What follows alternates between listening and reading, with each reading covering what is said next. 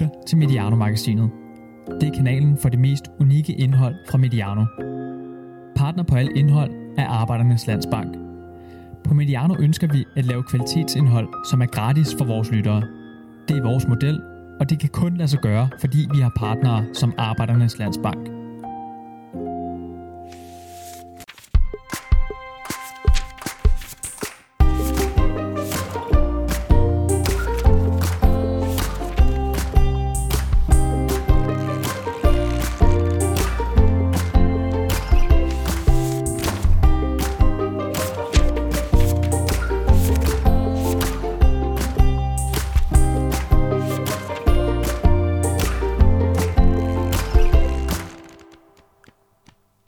Velkommen til en særlig udgave af Bold og Bøger.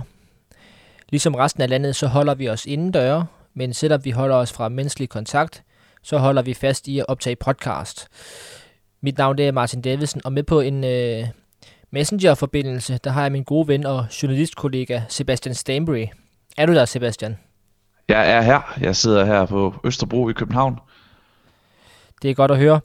Vi, øh, vi har jo prøvet at optage hjemme hos mig her i Nyborg, og vi har optaget hjemme hos dig på Østerbro. Og nu optager vi så en episode, hvor vi er begge steder på en gang. Ja, det, det, det er første gang, jeg sidder og kan kigge hen på, på min bogreol. Er du, ja. er du nede i, øh, i fodboldværelset? Ja, jeg er, ned, i kælderen? jeg er nede i kælderen i fodboldværelset, så den er, den er så bag mig, min bogreol der. Men, øh, så på den måde er vi jo i, i vante omgivelser, og, der, og alligevel er, er ikke ret meget, som det plejer at være. Øh, men det kommer jo ikke til at gå ud over indholdet i den her udsendelse her, fordi vi skal jo egentlig bare stadigvæk snakke om fodboldbøger. Det var, det var planen i hvert fald. Øh, og, og jeg har, øh, jeg har købt havsalt. Ja, Som et øh, stærkt. Kims havsalt chips. No free uh, advertising, men vi tager det alligevel. det, vi skal prøve at få Øh. dem med ombord som en, øh, som en partner på det her. Det kunne være, det kunne være en mulighed. Øh, men det er jo ligesom din og min øh, bold og bøger snack. Ja, fuldstændig. Og så, har jeg, så sidder jeg også her med en Faxe Kondi foran mig. Stærkt. Heller igen ikke free advertising, Præcis. men der er, en, øh, der er en årsag til det. Jeg har simpelthen, øh, jeg har simpelthen taget en øl i dag, hendes anledning. Jeg, jeg skulle lige bruge lidt stærkere i dag. Det er faktisk også i dagens ånd, men det kan vi vende tilbage til. det, kan, det har du ret i. Øh, det kan vi vende tilbage til. Øh, først så skal vi lige huske at sige, at øh, den udsendelse her øh, bragt øh, i, i samarbejde med Arbejdernes Landsbank, der jo er Medianos faste øh, kanalpartner på Mediano-magasinet. Så tak til dem for at gøre det muligt at lave de her udsendelser her. Og at vi også får en lille skilling for det oven i købet, det er vi glade for. Øhm, inden vi sådan kaster os ud i programmet, så skal vi lige sige, at øh, vi optager jo her Øh, da den her udkommer, så, har, vi- så er det et par dage siden, vi optager udsendelsen. Det er noget med Medianos udgivelsesflow. Og så er det fordi, der jo øh, i weekendens løb er kommet et par ekstra udsendelser fra Bolderbøger. Det er vores gamle top, top 20, Sebastian, der er blevet lagt ud. Ja, det var det, der startede det hele tilbage i foråret 2016. Mm. Mm. Som jeg husker, det var det dig, der kom til mig og sagde, øh, vi får hele tiden alle de her henvendelser på, på Twitter om, om vi ikke har nogle gode anbefalinger til fodboldbøger, og det gjorde vi, fordi vi ofte reklamerede med, at vi læste nogle fodboldbøger. Og så var det din idé, at vi simpelthen lavede, satte os ned og lavede en podcast om det. Og det startede så med at være den her top 20, hvor vi øh, lavede øh, vores top bud på en top 20 over de bedste fodboldbøger.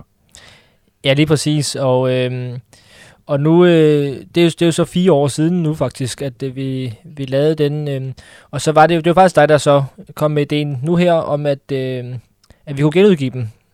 Ja. Fordi det er jo et rigtig godt tidspunkt at læse bøger. Det må vi bare sige.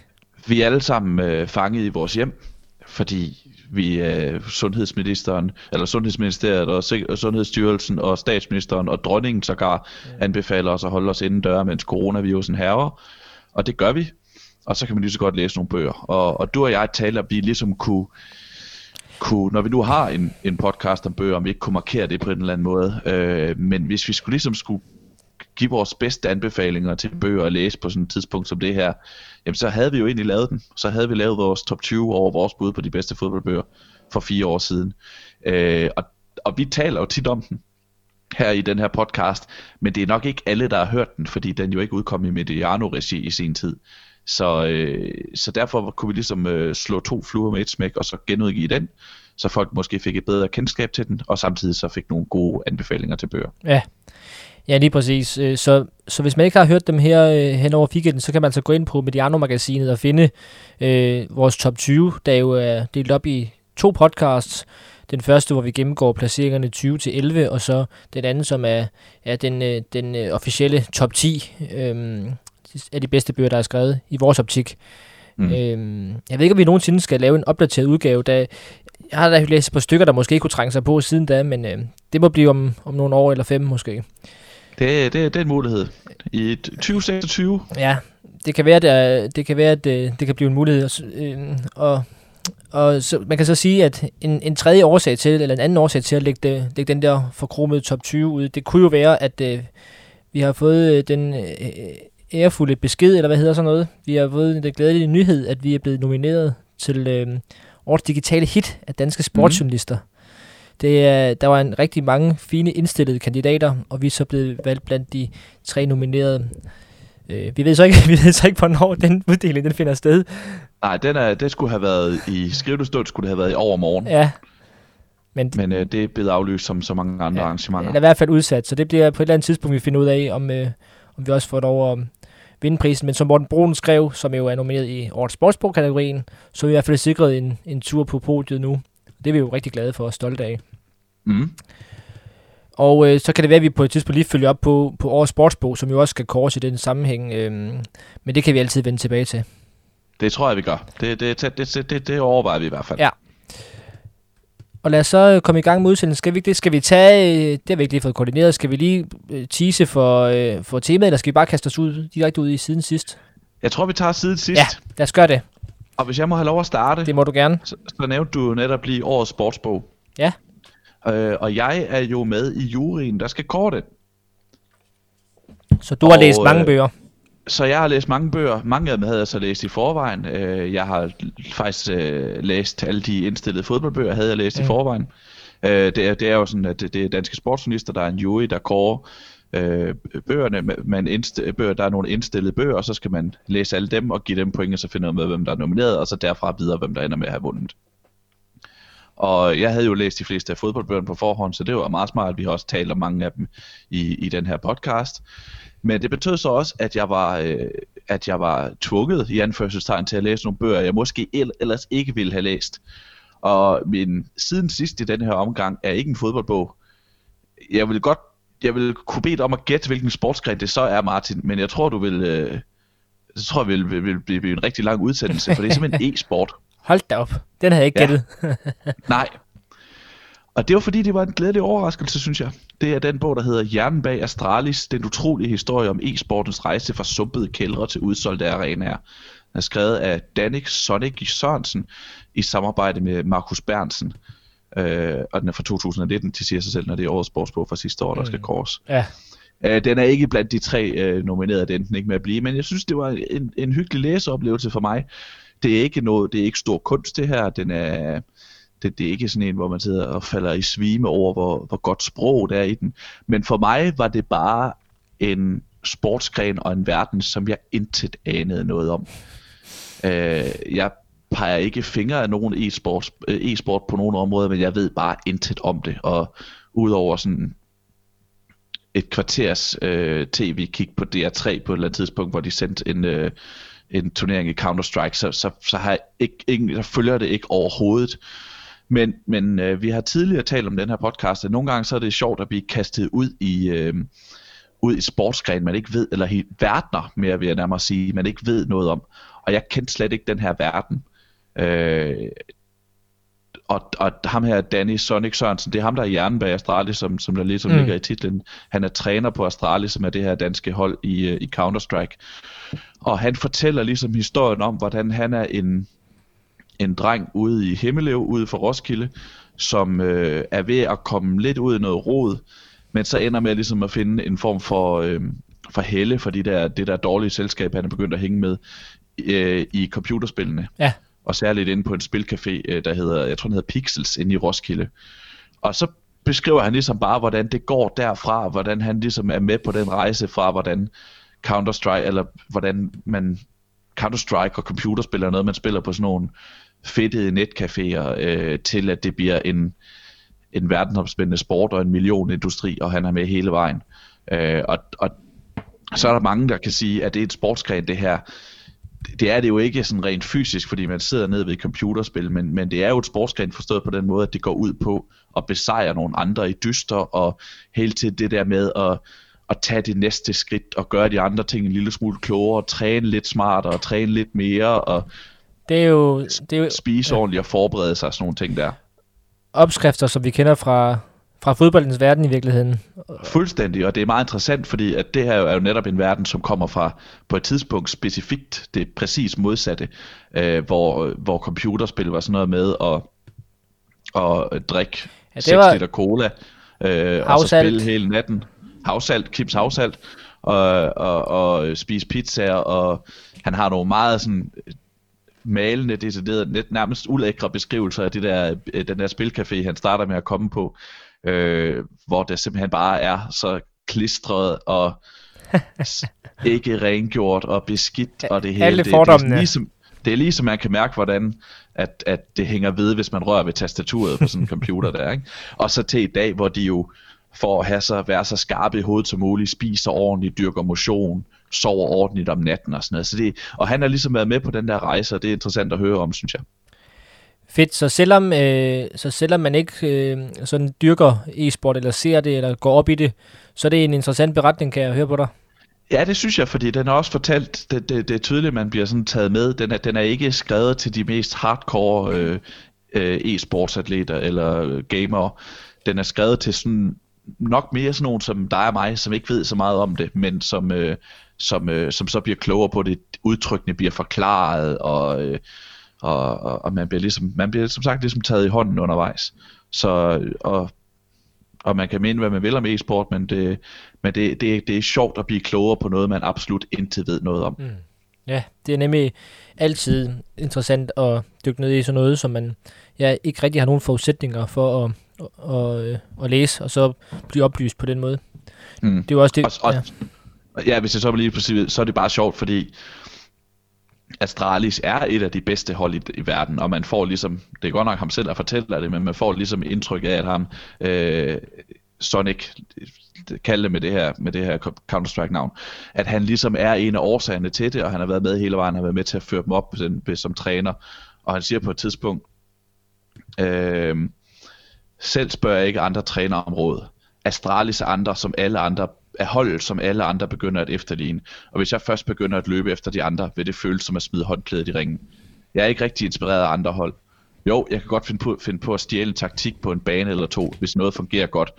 Men jeg har ikke set andre, gol- øh, men jeg har ikke set andre hold gøre noget, som for alvor imponerer mig. Der er ingen, der træner klogere end os. Det, Ja. det, det, det, det, det er meget interessant. Altså for det første, fordi han ikke sætter sig lys under skæppe. For det andet, fordi man får indtryk af, at, at øh, man hører det fra en person, som, som er en af frontfigurerne i det her, hele den her verden. Mm. Fedt. Jamen, øh, tak for det, Sebastian. Øh, det, det er fedt at få nogle nye ja, sportsgrene øh, ind i bold- og bøgeuniverset også, synes jeg. Ja, det, det, det, det, det gør vi jo en gang imellem, ikke? Vi har jo en drøm om, øh, eller i hvert fald ikke engang en drøm, for den bliver nok opfyldt. Vi kommer til at lave en udsendelse på et tidspunkt, der dykker ind ned i, i forskellige sportsgrene og forskellige sportsbøger. Det kan vi vel godt afsløre i dag. Ja, det gør vi, og det bliver ikke kun én udsendelse, Mm. håber jeg i Mm. hvert fald, men Mm. det, øh, det ser vi på. Ja. Jeg har også læst lidt siden sidst. Mm. Og jeg tror faktisk, at det er første gang, at jeg, øh, at jeg lever op til det, jeg siger omkring min, min ønskeseddel. Eller det, jeg drømmer om at gå i gang med at læse. Fordi sidst vi optog hjemme med dig, det, der listede jeg over i din bogreol og, og lånte øh, Jimmy Nielsens 1000 på rød. Mm. Og den har jeg læst siden da. Og jeg, undskyld, jeg starter med at grine, fordi der er virkelig nogle, nogle skøre ting i bogen, og, og, øh, og den er sjov på mange områder, men den er jo også en alvorlig og øh, indsigtsfuld øh, beretning fra Jimmy Nielsen om hans øh, spilleproblemer.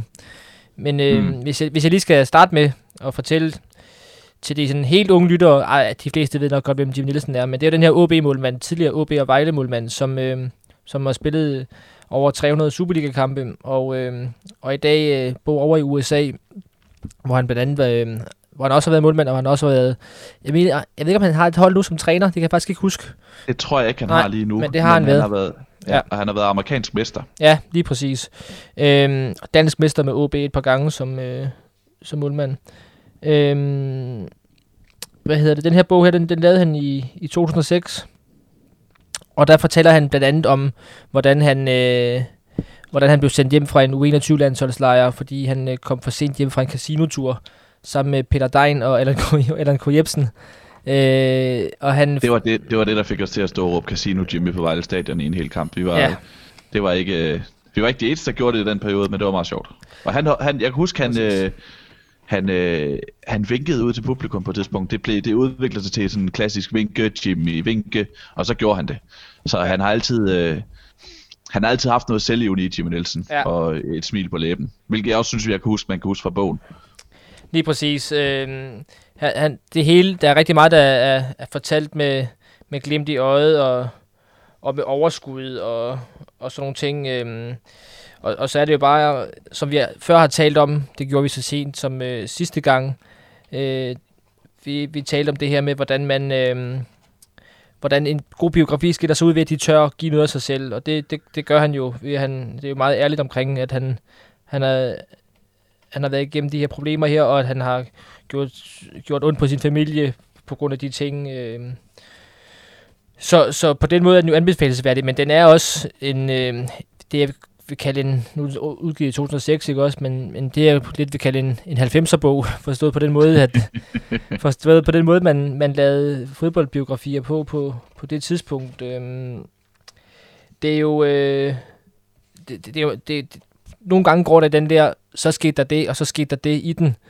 Øh, han, han, og han fortæller jo, han fortæller sådan, han er meget umiddelbar i, i den måde, bogen bliver fortalt på. Øh, for eksempel så fortæller han på et tidspunkt om en øh, træningslejr med ligalandsholdet i, øh, i Ecuador, eller i Sydamerika, hvor han bor på værelse med øh, Henrik Mini Rasmussen fra OB, som også er med på ligalandsholdet. Øh, Øh, han har lige fortalt, øh, inden for inden har han lige fortalt om, om, øh, om hele det sportslige ting, og det var, det var en skidt træningslejr, fordi øh, det var nogle dårlige baner, og han stod ikke særlig godt, og han kæmpede om spilletid med Peter Kær og sådan noget. Og det er egentlig øh, noget møg det hele. Og så, så skifter han fuldstændig stemning i, i sin fortælling og siger, trods den meget nedslå- nedslående aktion, så husker jeg en sjov oplevelse på hotellet, da vi kom til Ecuador. Jeg boede på værelse med min holdkammerat Henrik Mini Rasmussen. Vi kom fra et fantastisk flot luksushotel i Venezuela, men forholdene i Ecuador var mildest talt noget mere beskedne. Da Mini og jeg havde tjekket ind, skulle vi lige tage forholdene lidt i øjesyn.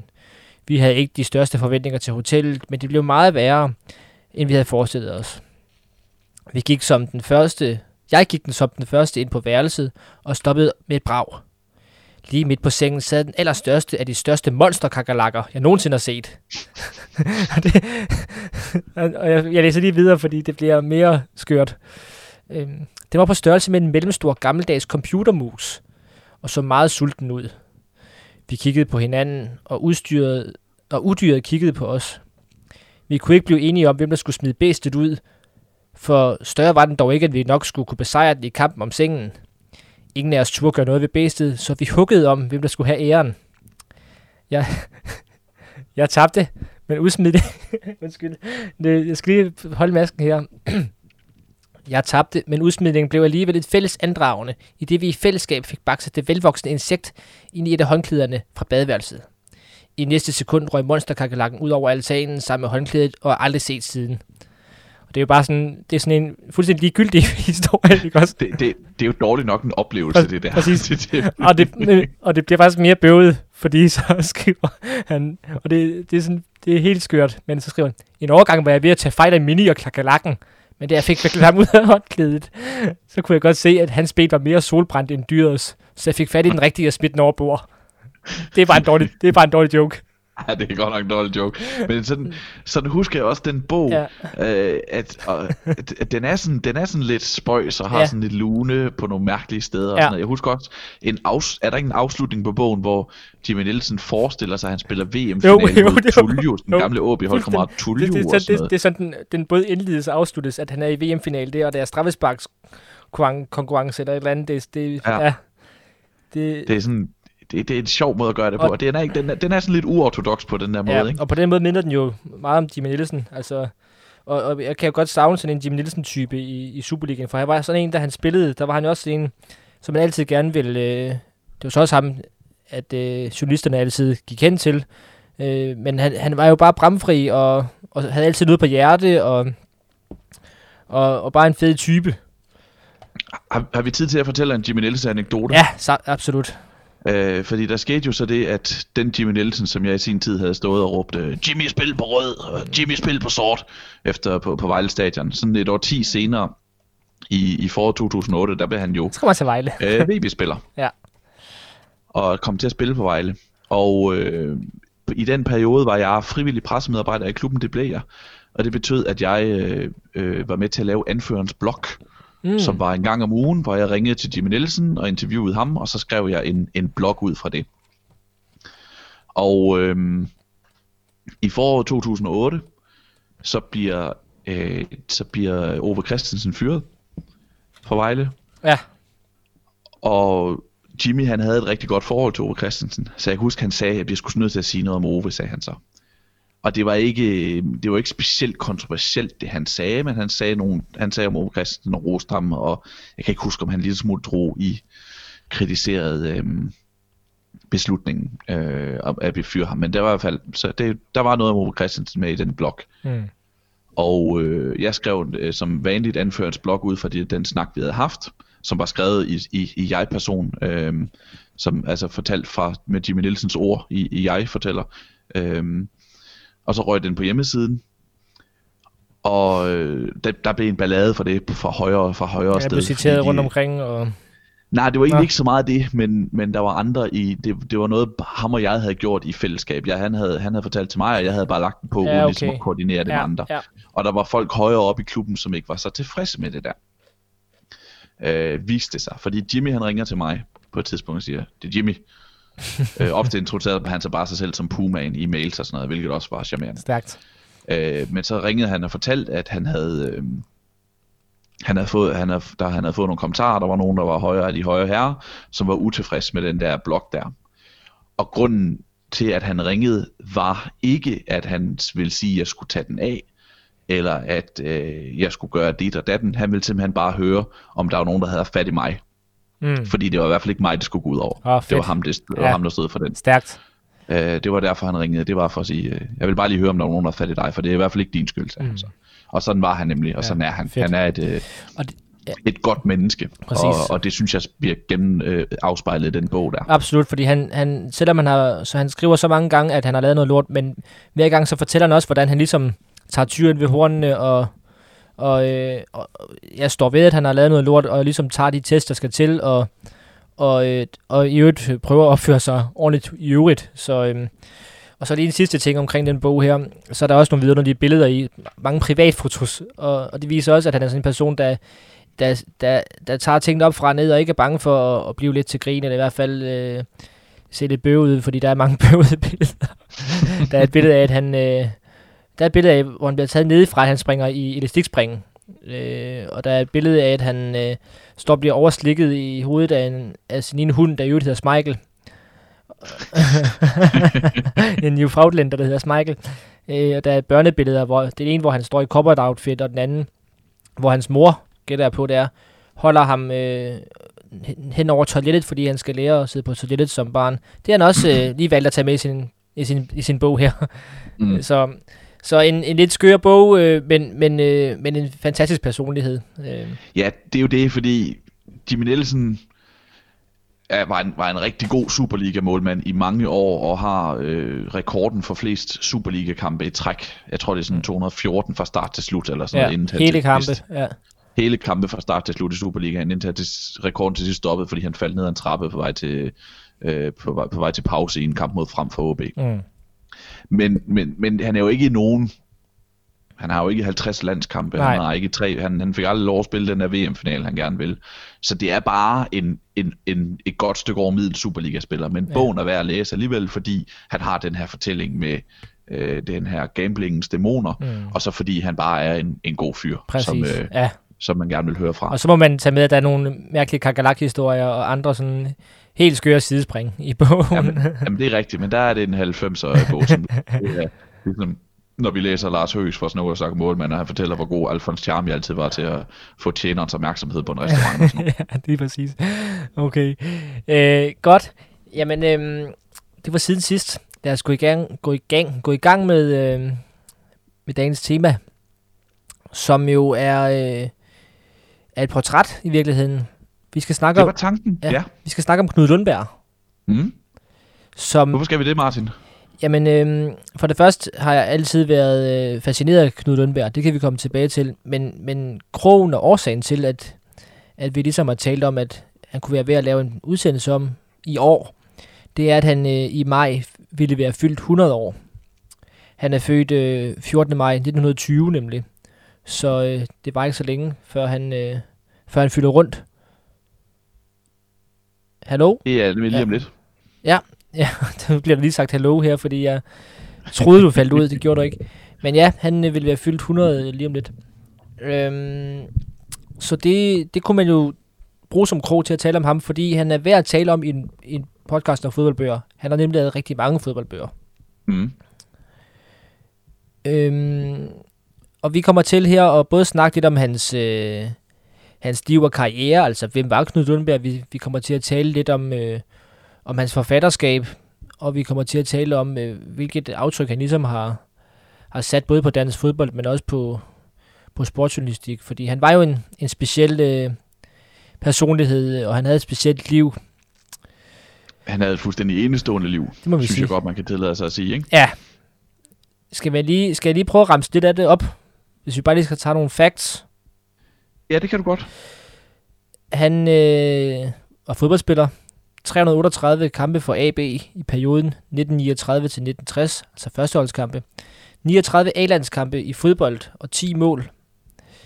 Han var anfører for det danske landshold i 27 landskampe. Han var med til at vinde OL-bronze i 1948. Han vandt fem danske mesterskaber med AB.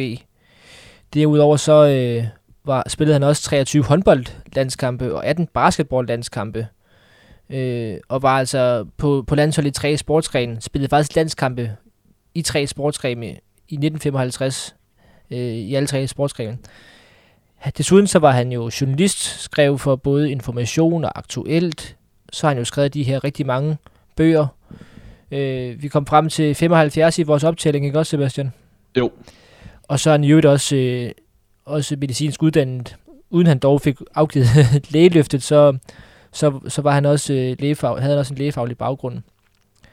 Så øh, han var et tusind menneske. Det var han. Han var en, øh, et enestående menneske, en enestående atlet, en enestående øh, kronikør, fortæller, øh, historiker. Ja, Vi, vi, vi øh, øh, fik du sagt, hvornår han er født, hvornår han døde? nej, han, jeg sagde, at han var født i 1920, men Ja. ja. øh, Han døde 12. august 2002. Så han blev, han blev altså 82 år gammel, og desværre det sidste godt og vel et årti af hans liv var jo ikke, Mm. var jo ikke værdigt for en, en enestående mand som ham. Han øh, led af, af, af demens, øh, fik Alzheimer's, og kunne til sidst ikke huske ret meget præcis. øh, af sit liv, men, men det liv han nåede at leve indtil da var, var ret så enestående. Det må vi sige. Øhm, hvis vi lige kort skal tage ham som fodboldspiller, øh, så, så er der jo Nu skrevet... siger du kort, det er jeg ikke sikker på, det, vi det, behøver. nej, det behøver vi ikke, og det, det kan vi nok heller ikke gøre. Øhm, men øh, jeg kan jo godt lide altid at, at tage fat i Palle Banks. Det kan du også ved, at det gør I jo i Tipsbladets øh, podcast, en halvleg med redaktionen hver eneste Ja. uge. Øhm, og han er jo beskrevet i to af Palle Banks bøger. Han er beskrevet i den, der, der hedder... Øh, er det 618? Øh, 681. 681, jeg vidste, det var 1 og 8. Landsholdet 681 øh, profiler. Og så øh, er han jo også beskrevet i den, hvor det er noget med 2900, og, og nu kan jeg ikke lige se den herfra, hvad jeg sidder. 2198 Ja, er præcis. lige er det, øh, går ud fra. Og forskellen på de to bøger er, at landsholdet 681 profiler er de 681 A-landsholdsspillere, der har været på det tidspunkt, hvor bogen udkommer. Og de 2198 er samtlige danske spillere, der har været på et herrelandshold, øh, hvad, end det, hvad er det så, U17 eller, eller A-landshold. Lige nøjagtigt. Og jeg, jeg, har, jeg har kun den, der handler om, øh, om, øh, om de 2100... Var det 98? Det tror jeg. Og der skriver Palle Banks, Lundberg var en høj og meget intelligent fodboldspiller, og han havde et fremragende overblik. Hans teknik var ligeledes fremragende. Til gengæld var han langsom som et ondt år. Hans øgenavn Lunde havde derfor dobbelt betydning. det er typisk Palle Banks, det sidste. Men Ja, det er han er vild med kælenavn, ikke også? Men, men øh, når man sådan læser om Knud Lundberg, så bliver man ret hurtigt klar over, at han også, også bare som fodboldspiller var, var ret enestående. Ja, øh, elegant, øh, teknisk god. Øh, han spillede jo det, vi kan oversætte til central midtbanen, sådan som jeg kunne forstå det i hvert fald. Og så er det bare imponerende, at han har vundet øh, fem danske mesterskaber i sig selv, og, og 39 landskampe på den tid, det var jo også, øh, det var også i den høje ende. Ja, og en af grundene til, at han fik 39 landskampe, var jo, at han i modsætning til mange af sine jævnaldrende øh, spillere ikke aldrig tog til udlandet. Nemlig. Det var jo, reglerne var jo indtil 19, er det 70 eller 71, det kan jeg ikke helt huske, Ja, at der må der ikke optræde professionelle på det danske landshold. Så det vil sige, at alle de spillere, som særligt fra slut 40'erne og så de næste mange årtier frem drog til udlandet, Mm. Var, var, de var færdige på det danske landshold. Men Knud Lundberg, han ville ikke til udlandet. Han ville ikke, han var god nok til det, han var så rigelig god til det, mm. øh, men han ville ikke, han ville ikke have sin frihed øh, indskrænket, som det ville betyde, øh, som det ville gøre, hvis man tog til, hvis han tog til udlandet og spille fodbold. Han ville spille fodbold som øh, som en fornøjelse, som en leg. Det, det, Ja. det er et ord, der går igen mange Ja. gange øh, i Knud Lundberg. Det er det, det er ord leg. Han har øh, ja og han har en, en tidlig selvbiografi, der hedder Mens lejen er god, som er fra 1953, tror jeg. Han, vi har, jeg tror både du og jeg har læst en, øh, en nekrolog om ham Ja. ja. i Berlinske, der hedder Et liv i leg er Ja, slut, som er præcis. virkelig, virkelig god. En Ja. meget, meget, meget smuk øh, øh, nekrolog, skrevet af han tidligere AB-holdkammerat Jens Karl Christensen. Lige nøjagtigt, ja. Og som han jo også var journalistkollega med, uden at de, jeg, ved, jeg er lidt i tvivl om, de er nødt arbejde på samme avis, men i hvert fald begge to var aktive sportsjournalister i rigtig mange år, så de var nære venner af mit indtryk. Mm. Men ja, men jeg synes, den er lidt dobbelt, den der med, med hans, øh, hans øh, med, med leg, og det er rigtigt, han, der er jo den der formulering, øh, øh, det tror jeg så faktisk er fra, fra informationsdekrolog, der, der kalder de, øh, der skriver de, Lundberg var et multimenneske, et legebarn, der som voksen tog lejen alvorligt. Øhm, Mm.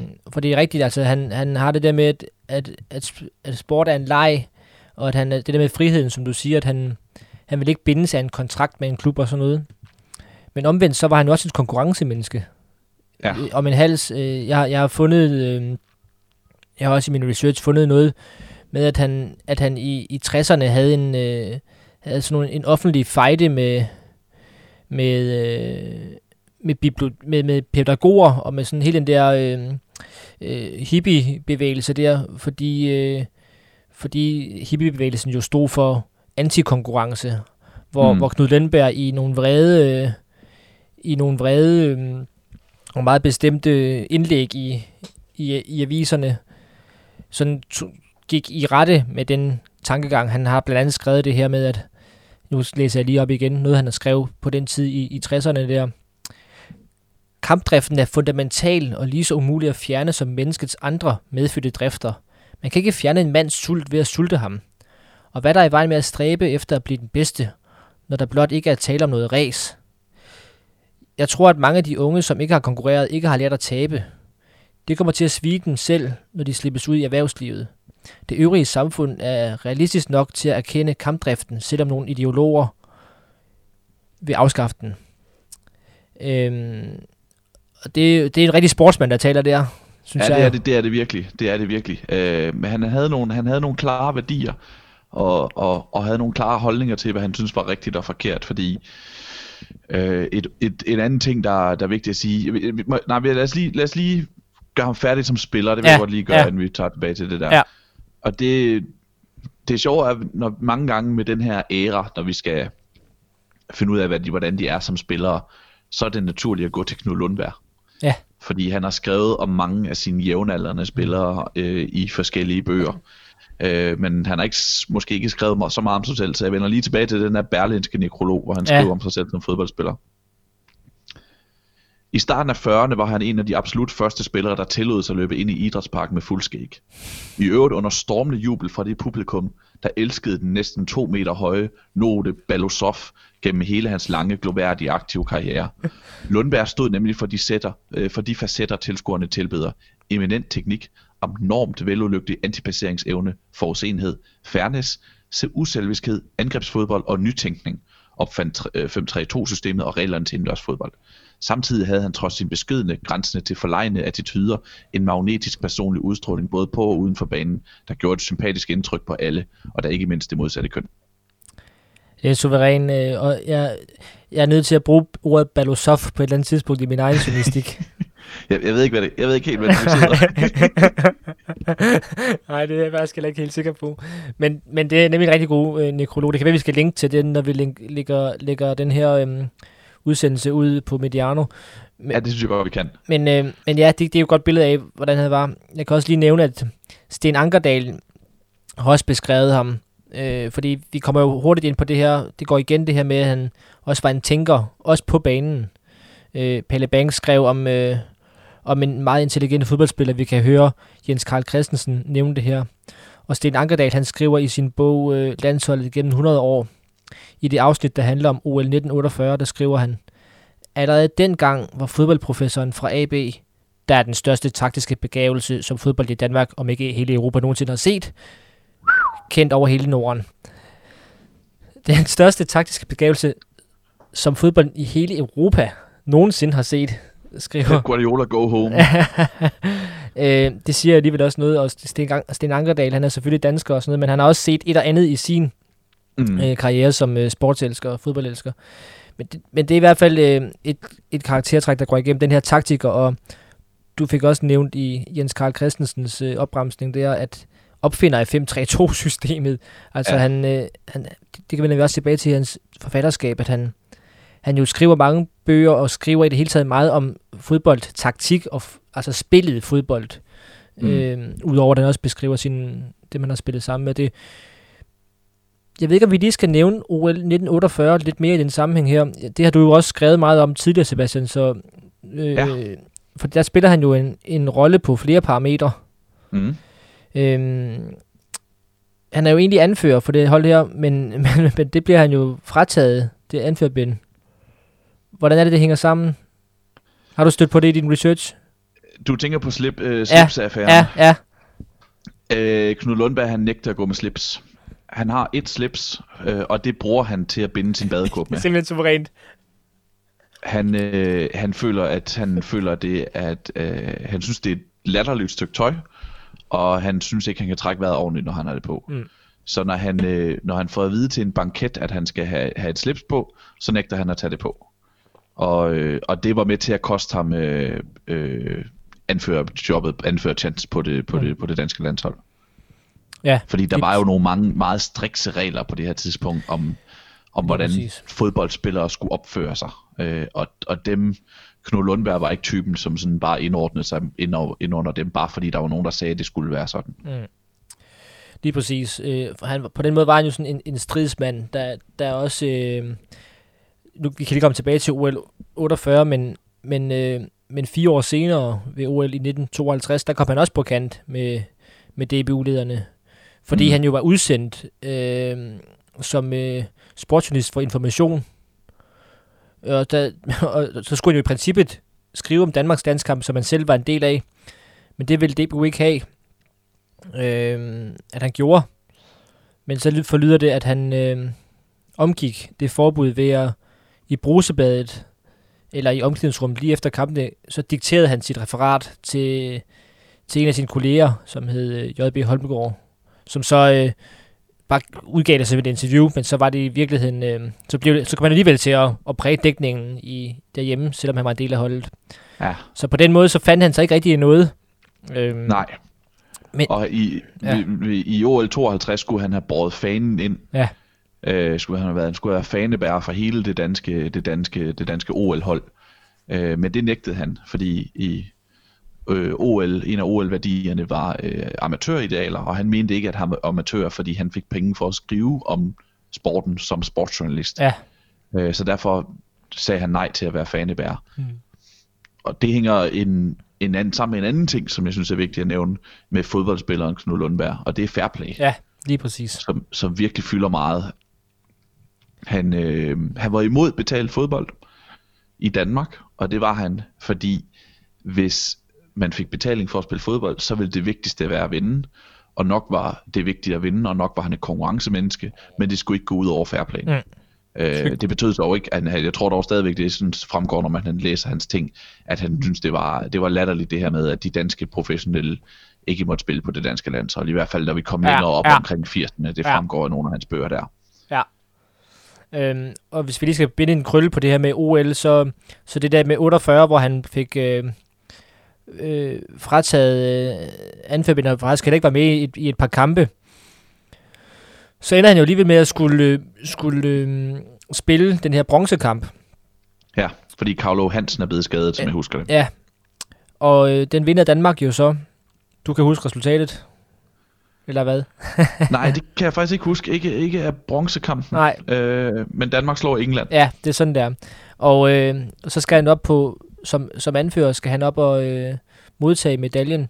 Men, øh, men den giver han så, han giver sin medalje til, øh, til, Kar, til, øh, til Karl Han- Hansen, der er blevet skadet.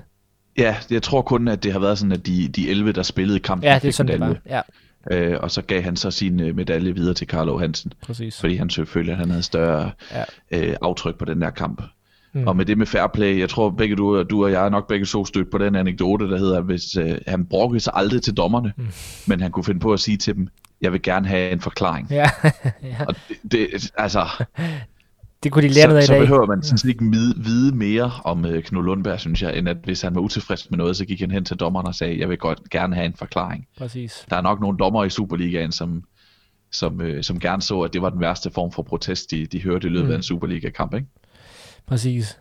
Den, øh, den anekdote har jeg fra, Ja. øh, fra øh, fodbold i sjov og alvor, Fritz ja. Alpstrøms. Lige det. Den øh, Hvor har jeg også noteret øh, mig. Ja, og der fortæller øh, Fritz Alstrøm også den anekdote, jeg læser op. Da AB engang kom til Aarhus Idrætspark, sagde Jørgen Olesen, den slidstærke landsholdsspiller i AGF til Knud Lundberg. Dag Knud, jeg spiller ikke i dag, jeg har forstuet anklen. Hvor til Lundberg, der havde, med, der havde medicinsk embedseksamen, men aldrig aflagde lægeløftet, svarede, selvfølgelig skal du spille, Jørgen. Hvorpå doktoren tæppede hans ankel ind, og AB tabte. det er altså en, det er en sportsmand, som øh, hjælper en af modstandernes spillere Ja, det må vi til sige. at, til at spille en af modstandernes bedste spillere til at kunne spille kampen øh, ved at tabe hans ankel op, og så gå ud og tabe den kamp bagefter. Mm. Det, øh, det er virkelig noget for sig. Ja, det, det er stærkt. Øh, nu, nu øh, hvis vi lige skal have en sidste, jeg ved ikke om det er den sidste, men vi skal lige have endnu en anekdote om hans, øh, hans personlighed, øh, fordi vi, vi har været lidt inde på det her med, at han, at han, øh, han var noget, en, en, en, en candid mand, øh, som ligesom var sin egen, og også øh, stod fast, selvom han, øh, selvom han skulle noget, han øh, ikke, ikke lige brød sig om. Han, han, han var for eksempel også øh, af den overbevisning, at det der med løbetræning, det var ikke... Øh, det var ikke derfor, man gik til fodbold. Det var ikke for Mm. at skulle løbe rundt uden bold. Og der er jo også en anekdote, der, der, eller en historie, der går på, at han, når han, når han skulle med, med AB skulle have løbetræning, så foregik det i fældeparken. Og så lyd, hedder anekdoten, at han øh, i stedet for, så sneg han sig ind i Otto Mønstedhallen. Og der, hvor han så nogle håndboldpiger øh, træne håndbold, hvorefter han tog en hurtig tur i saunaen, fuldt påklædt, sådan så han rigtig kunne svede igennem, og så kunne han så løbe tilbage til AB's anlæg og se meget svedig ud, selvom han ikke rigtig havde været på løbetur. Det kan godt være, at det er en røver, men det lyder godt. Det lyder rigtigt. øh, og også det der med, at han så brugte tiden på at, kigge på kvinder i stedet for. Det, Ja. er, det, er, det, det er igen levemanden. Ikke? Ja, præcis. Nu nævner du håndbold. Skal vi gå videre Ja. til at kigge på til, til sportsmanden Lad- lad- øh, Knud Lundberg, der ikke kun er Lad os gøre det. af, af, af håndbold. Jeg ved ikke, hvor meget du har til det, Martin. Ikke, Øhm, ikke rigtig, rigtig meget, må jeg nok sige. Nej, det er fint. Jeg har nogle facts. Øh, han, han har jo simpelthen både været på, hånd, øh, på, øh, på, øh, på landsholdet i det håndbold, vi kender i dag, inden for hallerne, og så markhåndbold. Ja. Ja. Øh, der, der står, øh, at han, han, han spillede, som du nævner, 23 kampe og scorede 26 mål i håndbold. Og de seks af kampene og syv af målene var lavet i mar, øh, markhåndbold. Ja. Ja, det har jeg også noteret mig. Øh, og han var en stor håndboldspiller. Hvis vi tager Thomas Ladegaard, det er en af, det er en af håndboldens store historikere og forfattere, øh, en dansker. Han har lavet, øh, han skrevet ind til flere bøger om håndbold. Han lavede sidste år en, en top 100 over de bedste mand, mandlige hånd, øh, hånd, danske håndboldspillere gennem tiderne. Øh, I samarbejde med BT, det var i forbindelse med, med VM øh, på dansk jord. Og der var Knud Lundberg simpelthen nummer 12. Hold da op. Dansk idræts store renaissancemenneske. På et år spillede han landskampe på det danske fodbold, håndbold og basketlandshold. En spiller, der satte lejen med bolden højst. Og så tænkte han simpelthen håndbold. Han var ikke den hurtigste eller dygtigste, men han var måske den klogeste, skriver, øh, skriver Thomas Ladegaard i, mm. i den der top 100, han har lavet. Og det, det, det, det lyder jo også som noget, vi, vi kender fra, øh, fra, øh, fra, hvad hedder det, fra, fra fodboldbanen. At han ikke var, han var ikke særlig hurtig, men han var den klogeste. Mm. Og som du nævner, han, er, han spiller også på landshold, øh, landsholdet i basketball. Han er også medstifter af det danske basketforbund. Og, øh, og så for lige for øh, prikken over så vandt han også DM i cricket i 1939 med ja. AB. Det, det er for vildt.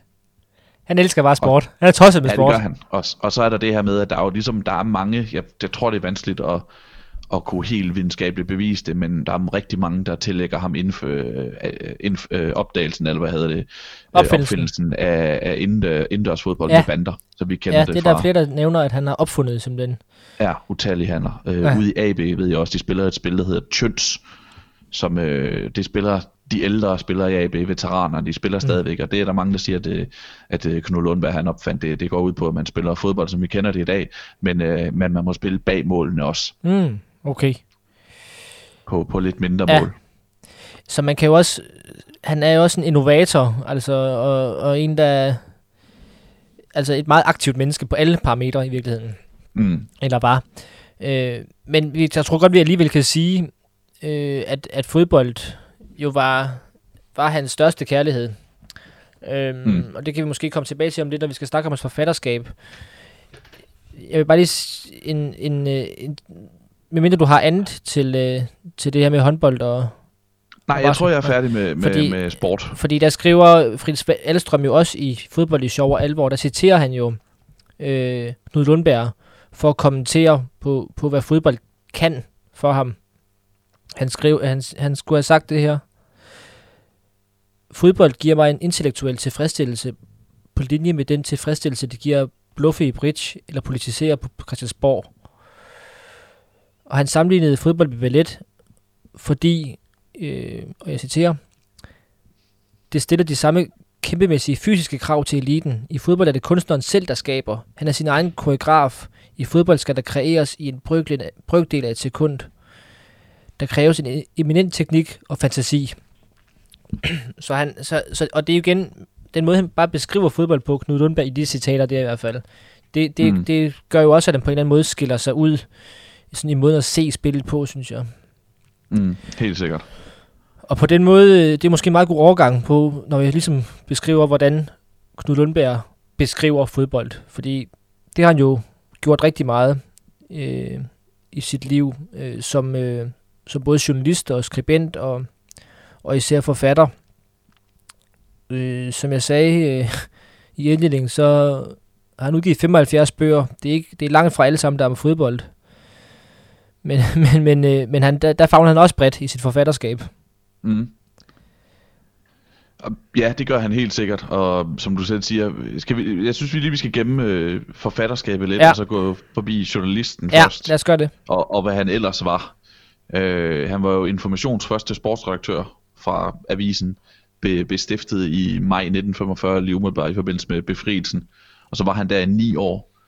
Øh, og som du siger, han, han dækkede jo de, de ting, han selv deltog i som sportsmand. Mm. Altså jeg har jeg øh, skrev engang en artikel om OL 1948, og var på, på øh, det kongelige bibliotek for, og, i deres smalfilmsarkiv, for mikrofilmsarkiv, for, for at finde gamle artikler, og der har han jo bare altså, refereret fra kampe, han, han selv var en del af holdet ja, til. det er helt skørt. Øh, I information. Øh, det, er jo, det, er jo, det er jo helt unikt. Altså, ja. at, altså det svarer jo til, at... Øh, at uh, Allan Olsen inde på Ekstrabladet, han, han også spillede højre vinge på det danske landshold ved VM i, i Rusland, ikke? Altså det, ja, det, det er jo helt... Ja, ja præcis. Eller at, øh, eller at Peter Ankersen, han øh, samtidig var sportsredaktør på Jyske Vestkysten, eller sådan noget. ja, præcis.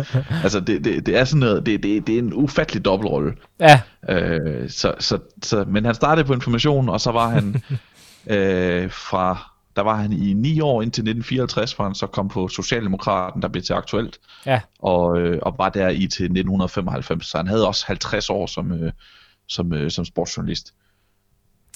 Og så ja, der var i informationsnekrolog, er der den her meget fine detalje. På information skrev han i hånden, kom ja. sjældent på bladet, der dengang udkom ved middagstid. Lund mente, at mennesker skulle sove til de vågnede af sig selv, det kan jeg kun bakke op om i øvrigt. Og da han gik sent i seng, eller tidligere om morgenen, var han ikke på bladet op til deadline. Han lagde sit manus under måtten på, foran døren til sin lejlighed på Maglekildevej på Frederiksberg, eller i øh, AB's kantine, hvor redaktionsbuddet hentede det. det er suverænt. Den har jeg også noteret mig, den der.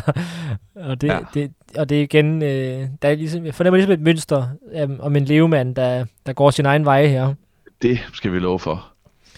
Øh, så ja, en, en mangeårig sportsjournalist, øh, og så var han jo mere end det.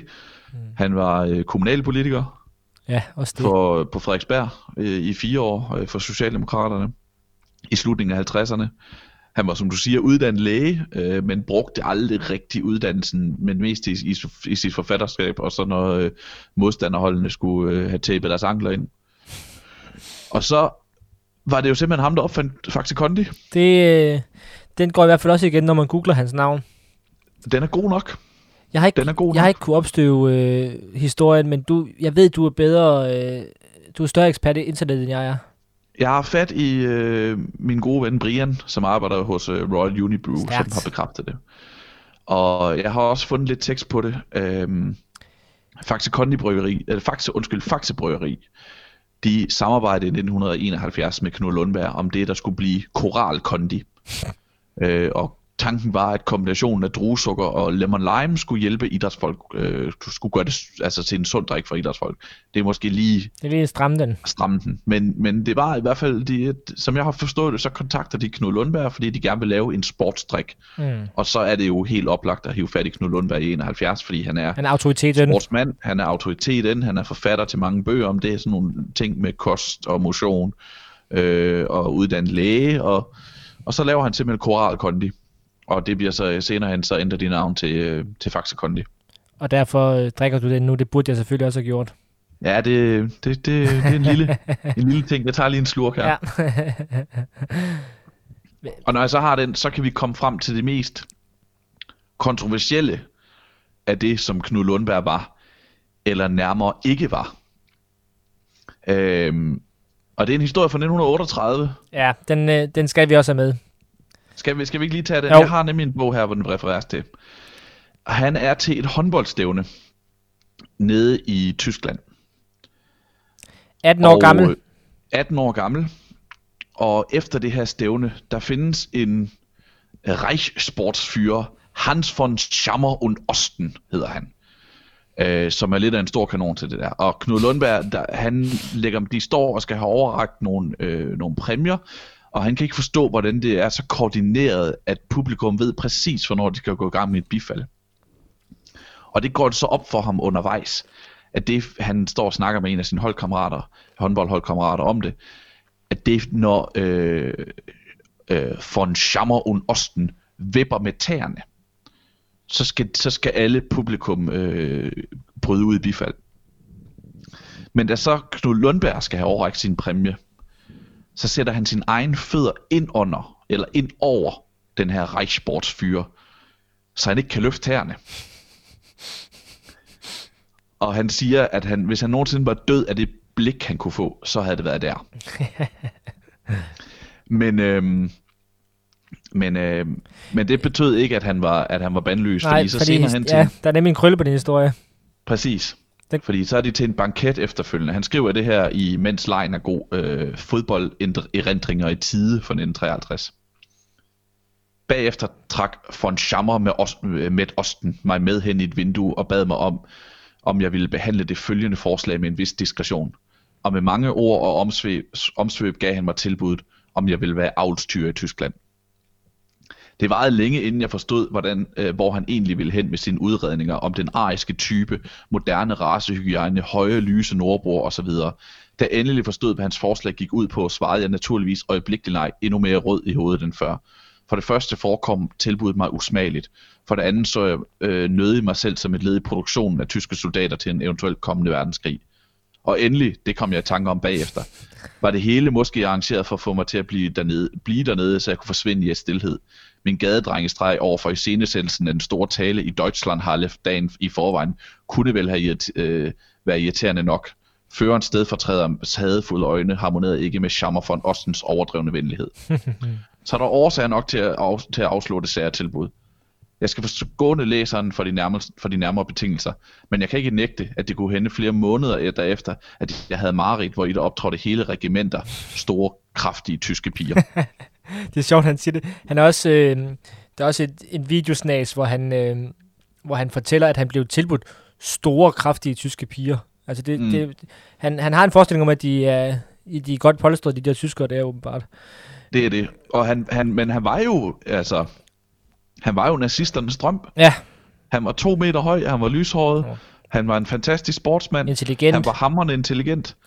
Ja. Øh, og han, han, har, han har fortalt om det her mange gange. Ja, det her med, med, med, med, med at skulle være nazisternes avlstyr. Han har også øh, han, har, han har sagt... Øh, et liv i leg fra 1990. Det var et stykke tid, før jeg overhovedet forstod meningen, så blev jeg helt rød i hovedet. Jeg var 18 år, havde aldrig været i seng med en pige, trods min talrige forgæves overtagelsesforsøg. øh, den absurde tanke at blive af, at den absurd, absurde tanke at blive avlstyr i Tyskland var mig både fremmed og frastødende, så jeg afslog høfligt. Jeg kan godt forestille mig, altså, ja, ja, det, et liv, det er helt vildt. Jeg kan godt forestille mig, at han er typen, der sådan prøver at argumentere for, at en kvinde skal gå i seng med ham. I, hvert fald, I hvert fald som 18 år. Ja, ja. Øh, okay. Jamen, det, der, der, der, der er stof til, til rigtig meget, når man skal fortælle om hans øh, liv, og vi er jo ikke engang nået til bøgerdelen af bold og bøger i det, selvom vi, har, selvom vi har talt det i, i 56 minutter nu. Øh, så det kan være, at vi skal, vi skal gå, gå over til det nu. Ja, skal vi lige afrunde med, øh, med nogle citater fra, om, om hans liv som sportsmand? Gerne.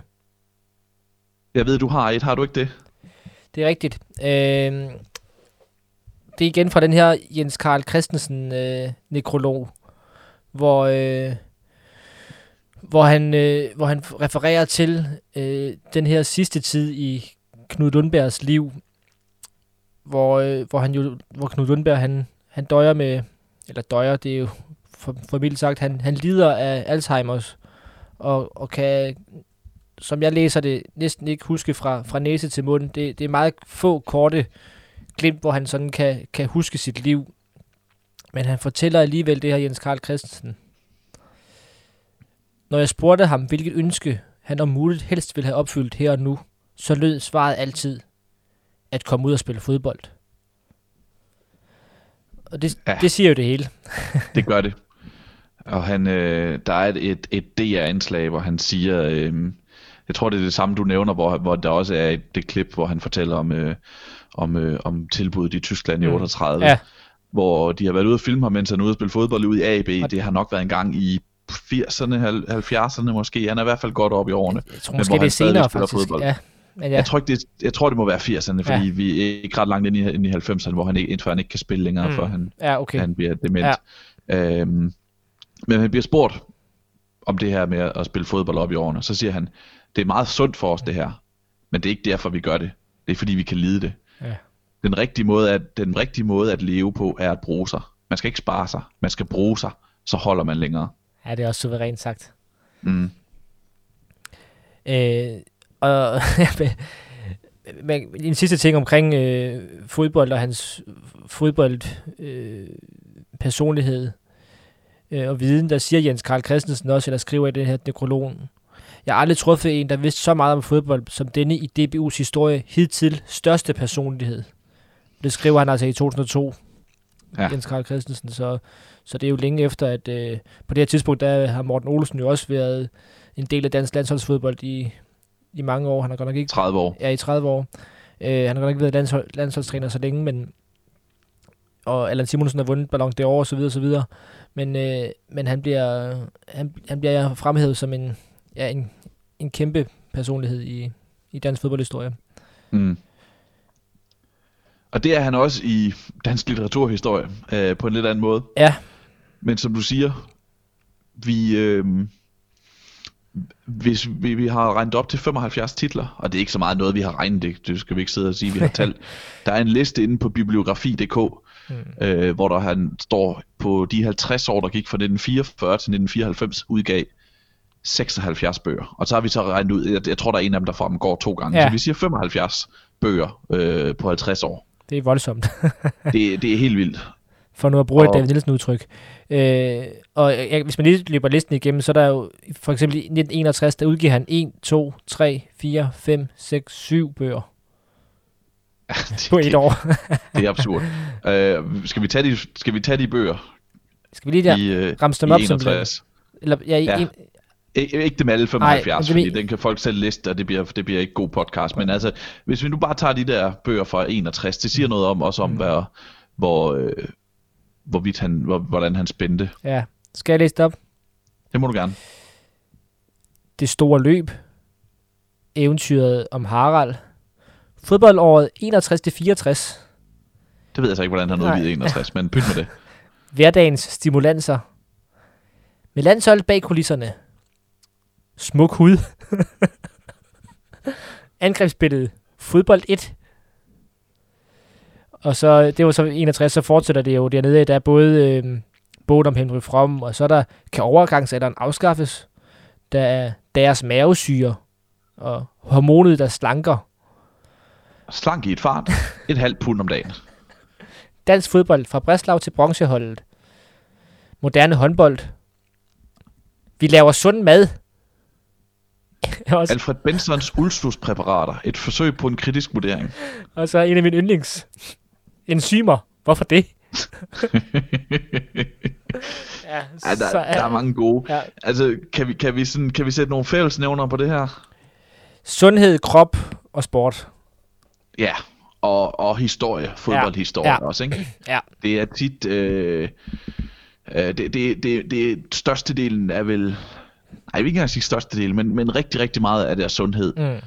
Og, og så er der også rigtig meget fodbold, og der er, der, er en, der er en lille smule om nogle store spillere, men så er der også sådan, ja. øh, manualer til fodbold, kan man nærmest sige, ja, og så også beskrivelser af de store øjeblikke, og de store turneringer, og de store spillere. Lige nok det. Øh, og som du sagde, det, undskyld, det er gennem øh, 50 år, han udgiver det. Det den første udgiver han i 1944, og den sidste i 1994. Så, det, så hvis man læser hans forfatterskab, så er det jo også en slags verdenshistorie, eller Danmarks historie, fordi han, at han, han har så mange nedslag i, øh, ja, i de, gennem de 50 år der. Mm. Han når jo lige at få, altså han er udgivet i 94, så han jo når i hvert fald at opleve at være skarp nok til at registrere EM92. Ja, det har han også en bog om, ikke? Ja, det Europas præcis. bedste, Ricardo Skrimmelding er udgivet i 92. Ja, det er nøjagtigt. Øhm, så ja, jeg, har, jeg må jo øh, erkende, at øh, jeg har ikke læst så forfærdeligt mange af dem her, og, og, øh, og da jeg så vil i researchen her, jeg kunne ikke gå ned på biblioteket, det er lukket i øjeblikket, så jeg vil finde den på e-reolen.dk, hvor man kan låne mange bøger, der de heller ikke at finde. Så det er jo lidt at komme ind i nogle maskendiser, når den slags igen øh, åbner, og vi må komme ud i virkeligheden, øh, hvis man skal læse noget af hans her. Men vi, vi, vi vil jo lige prøve at, at, at, at lave et enkelt nedslag i en af de ting, han har udgivet. Men først skal vi måske lige sige, at vi før har omtalt hans måske største øh, værk, han har udgivet.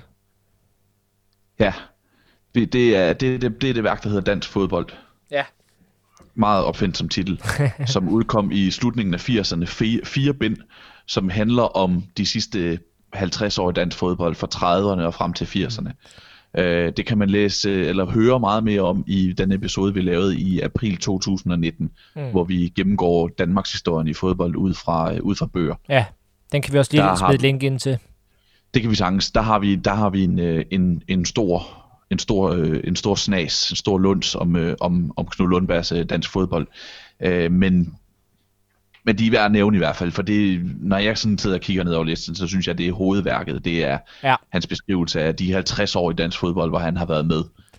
Ja, og uden jeg har sådan set alle de her 75 bøger, så kunne jeg forestille mig, at nogle af dem, de ikke er så tykke. Altså, den, jeg tror, nogle af de udgivelser her, især hvis han har lavet syv på et år, at det har været nogle, nogle lidt kortere bøger på måske en 60, 80, 100 sider. Øh, hvorimod det her dansk fodbold, det er jo som samlet værk, så er det ikke over 1000 sider. 800 sider. Ja. Ja. Så, så der er han jo virkelig skrevet igennem der. Helt sikkert. Øh, ellers så er der nogle, nogle stykker, der er værd at bemærke. Jeg har jo nogle stykker af dem her. Jeg sidder ja. med øh, jeg sidder med 10 stykker foran mig. Åh, oh, stærkt. Som jeg har. Jeg har dansk fodbold 1-4, så har jeg, mens lejen er god, som jeg nævner, så har jeg Flemming Niel, øh, Knud Lundberg og Flemming Nielsen, de bedste vi mødte, som handler sådan om de spillere, de mødte på deres vej, som det siger. 11 sølvmedaljer, som handler om OL 1960. Ja, den tror jeg faktisk også, jeg har stående, faktisk. Ja, og øh, det var en, han har skrevet sammen med Gunnar Gunnarsson. Nej, mm. Grimor Gunnarsson hedder han. Og Nordens mesterhold, som, øh, som jeg købte en gang, fordi jeg skulle skrive om Danmarks deltagelse ved EM 64. Og det er sådan nærmest sådan en ting, der bliver nævnt i, forbi, i forbifarten. Det, det handlede om, at Danmark endelig vandt det nordiske mesterskab igen. ja, det er sådan helt det utroligt. Men ja. det var så det, der fyldte noget på det tidspunkt. Det var, at Danmark blev nordisk mester, ikke at man deltog i EM for første gang nogensinde. Det er skørt. Øh, så vil jeg lige nævne, så, så mangler vi to. Den ene, jeg lige vil nævne, det er de kampe, øh, de kampe glemmer jeg aldrig. Og det er jo desværre øh, den her, det er jo, det er jo desværre tragisk, for det gjorde han jo. Han glemte jo desværre dem her øh, til sidst, da han, da han fik Alzheimer's. Men, men han har så skrevet meget ned, og han er jo en af dansk fodbolds øh, store mm. historikere, ja. og har skrevet nogle, nogle kampe, og skrevet om kampe, om spillere, og om øjeblikke, som er vigtige. Og nu nævnte du OL i 48, og det her det er en af mine yndlingsanekdoter om, om dansk fodbold. I 1948, Danmark er med til OL, og Danmark møder i en af de indledende kampe Ægypten, og det er i 8. delsfinalen, og vinder 3-1. Jeg tror, det, jeg tror, det må være Danmarks første kamp. 8. delsfinalen start, start, starter Danmark med at spille. Mm. Øh, og vinder 3-1 efter forlænget spilletid, men, men det er ikke en god indsats. Og, øh, og de vil gøre, det, DBU vil gøre noget, øh, udtalelseskomiteen vil gøre noget, de vil, de vil måske sætte nogle spillere af holdet. Og på tale er blandt andet at sætte frem angriberen John Hansen af holdet. Øh, det er i spil, men det er også i spil at sætte Knud Lundberg holdet, fordi han spiller helt elendigt i den her kamp mod Ægypten. Og det er der en ganske særlig årsag til. Og det er, at han lige har taget sin øh, lægeeksamen og bestået sin lægeeksamen. Før jeg blev færdig med eksamen, havde jeg lovet gode venner at holde badekart fuld af gin og juice i tre døgn. Dengang var spiritus svært at få, og især at betale. Som mange så hen til mit kandidatgilde med visse forventninger. Bortset fra alt andet var det jo også den kildrende tanke, at en eller anden kunne trække bundproppen ud. Da det kom til stykket, blev det umuligt. Øh, vi ville bruge to tredjedel appelsinsaft og en tredjedel gin som passende blanding. Men alene for orangejuicen ville det have kostet et par tusind kroner at fylde badekart op. Og gin var naturligvis betydeligt dyrere. Så jeg måtte i byen og øh, købe et poppybadekar, et babybadekar. Det var på sin vis øh, nok, nok, også nok så hyggeligt, at man ikke behøvede at gå ud i badeværelset hver gang, man skulle have sit glas fyldt op. Og der var ingen, der kom til at tørste. Det blev et mægtigt gilde. Stemningen holdt i tre døgn, bortset fra at øh, løbet blev neutraliseret i formiddagstimerne, for at nogen, de heldigste, kunne få lidt søvn og andre gå på arbejde. Men mange holdt ud gennem alle tre døgn, og tog adskillige spurter undervejs. Der var åbent hus for dem, der vidste det, og alt i alt kom der vel omkring 100 mennesker, hvor ingen kedede sig, så vidt at de var i stand til at afgøre det. Efter den tredje nat holdt festen sig på benene til op på formiddagen. Det gjorde jeg ikke. Hen på morgenen gik jeg ned med et brag. Jeg vågnede et par dage senere med alt tøjet på og en meget ubehagelig smag i munden. Den tur spolerede fuldstændig den form, jeg havde været et halvt år om at bygge op. Ellers kan jeg ikke forklare, hvordan jeg kunne spille så elendigt mod Ægypten, som jeg gjorde, da vi om sider kom til London. Den egyptiske centerhalf opdagede hurtigt, hvor ringe det stod til med mig. Hver gang han havde bolden, det var fortvivlende ofte, løb, løb han et par gange rundt om mig for at vise til sin overlegenhed. Jeg nåede aldrig at takle ham. Heldigvis var det kun mig selv, det gik ud over. Vi vandt om end med besvær over Ægypten, og så blev jeg sat af. Næste omgang gav den berømte sejr over Italien. Jeg stod på tilskuerpladserne og ærger mig over, at jeg ikke kunne være med. Det var lige min bane. Græstæppet var lige rullet frisk på. Det var som fløjl, og dyngvådt det øsregnede. Men det var heldigt nok, at jeg ikke var med. UK havde været lidt i tvivl. De ville enten sætte mig eller John Hansen af. Det var godt, det blev mig. John lavede fire pragtfulde mål i en dejlig kamp. Og, og, og det her er jo øh, i VM v, eller OL kvartfinalen mod Italien er en af de vigtigste kampe ja, i dansk fodboldhistorie. det er helt vildt. På daværende tidspunkt er Italien forsvarende verdensmester øh, fra OL, øh, fra, fra VM i 1934 og i 1938. Øh, her er det 10 senere, hvor, hvor slutrunden har været af, øh, aflyst på grund af, på grund af, verden, øh, på grund af verdenskrigen. Og jeg mener også de forsvarende olympiske mester. Så at Danmark slår dem med 5-3 er nærmest en sensation. Eller det er ikke nærmest en sensation, det er en sensation. Det er en sensation. Ja. Og John Hansen laver altså fire mål i den her kamp. Ham, som var lige ved at blive sat af. Knud Lundberg skriver i dansk fodbold om de her fire mål, som John Hansen han laver mod Italien. Det var de fire mål, der fortalte dem, at vi havde fodboldspillere op i det kolde nord af et format, som de kunne bruge i deres allerbedste og være øh, allerbedst betalte hold. Øh, bruge på deres allerbedste og allerbedst betalte hold, skriver Knud Lundberg i sin 800 sider lange krønike dansk fodbold. Og, øh, og det betød jo, at John Hansen han røg til Juventus, og fordi han var god nok, så begyndte italienerne at hente rigtig, rigtig mange danske fodboldspillere. Og det var sådan den første spølge ja. af danske fodboldspillere, der røg til udlandet. Det startede altså, fordi Danmark slog Italien med 5-3. Og Italien slog Danmark med 5-3, fordi John Hansen han scorede fire mål. Og John Hansen han scorede fire mål, fordi han ikke var blevet sat af. Og han blev ikke sat af, fordi Knud Lundberg blev sat af i stedet for. Og Knud Lundberg han spillede, blev sat af, fordi han havde spillet rigtig, rigtig dårligt mod Ægypten. Og han havde spillet rigtig, rigtig dårligt mod Ægypten, fordi han havde brugt tre hele dage på at drikke gin og juice ud fra et babybadekar. det er suverænt. Hvad, hvad, hvad, hvad gin og juice øh, kan gøre for, for dansk fodboldhistorie i virkeligheden? Ja, så hvis ikke vi skulle have siddet her med en Faxe Kondi, og du sidder med en øl, så skulle vi helt klart have siddet med, med gin og juice. Ja. Og, og Knud Lundberg, han var jo, han, han, han, han, han var jo en, en sund mand, og, og, og har skrevet adskillige bøger om at leve sundt osv., men han, han siger også i et, et, et interview der, som vi har været igennem, at øh, han har nok i gennemsnit drukket et par øh, genstande om dagen ja. i alle årene. Fordi for her ham hænger sundhed også sammen med at have det godt. Præcis. Og man skal også leve. Det er det. Det, det, det kan jeg jo godt lide at høre. ja, så, så skål. Ja, skål igen. øhm, ja, det er jo svært. Jeg havde ligesom stillet et spørgsmål i forberedelsen til, om der er en rød tråd i udgivelserne. Det, det er der jo ikke andet end det, vi lige har talt om i, lige, lige før, omkring at øhm, der er de her tre-fire hovedtemaer, han beskæftiger sig med. Mm. Øhm, og, øh, og hvad var det? Jo, så vil jeg, jo, jeg vil sige, som, øh, som journalist og som, som skribent, så var han jo sådan, nu har vi nævnt nogle af de her meget historiske bøger, han er meget historie, historieskriver jo, øh, og han er også, øh, da, da, man, da, han, øh, da der blev udgivet den her bog i 1991, der hed De bedste, der de gav os, hvor forskellige personlighed, forskellige øh, sportsjournalister og personligheder skriver om nogle forskellige temaer, der, der, der skriver Knud Lundberg, han har et kapitel, og der skriver han om, øh, om de forskellige landstrænere, der har været gennem årene, helt tilbage fra, fra Arne Sørensen, som han selv øh, havde som øh, landstræner. Eller det havde han ikke. Nu blander jeg tingene sammen. Fordi, Nej, han kommer Ja, senere. han kommer i 60. I, det var ja. 60, han var.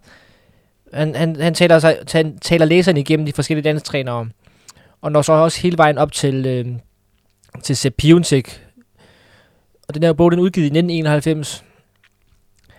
Og der bruger Knud Lundberg ret meget på, øh, mange ord på at beskrive, at det var en fejl af DBU at give slip på Sepp Piontek. Der var hele den her sag med, med, øh, med, med nogle lønforhandlinger, kontraktforhandlinger, samtidig med Ekstrabladet kom med den her historie med, med skattely og alt det der bagl der. Mm. Og så slutter han ligesom af med at skrive, vi har jo lov at håbe, at vi engang igen får manden bag 80'ernes store triumfer tilbage som dansk landstræner.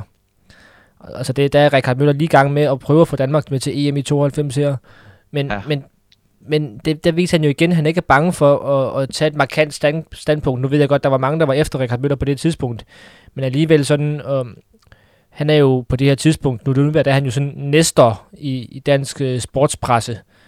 Uh, men det betyder ikke, at han, at han, har, han har sådan en tilbagetrykkende rolle og, og, og er flink ved, ved landstræneren. Uh, han, øh, han er ikke bange for at skrive, at han gerne vil have Piontek tilbage. Øh, så, så, så det, det siger jo, så, så den, den, det havde han også i sig, den der, mm.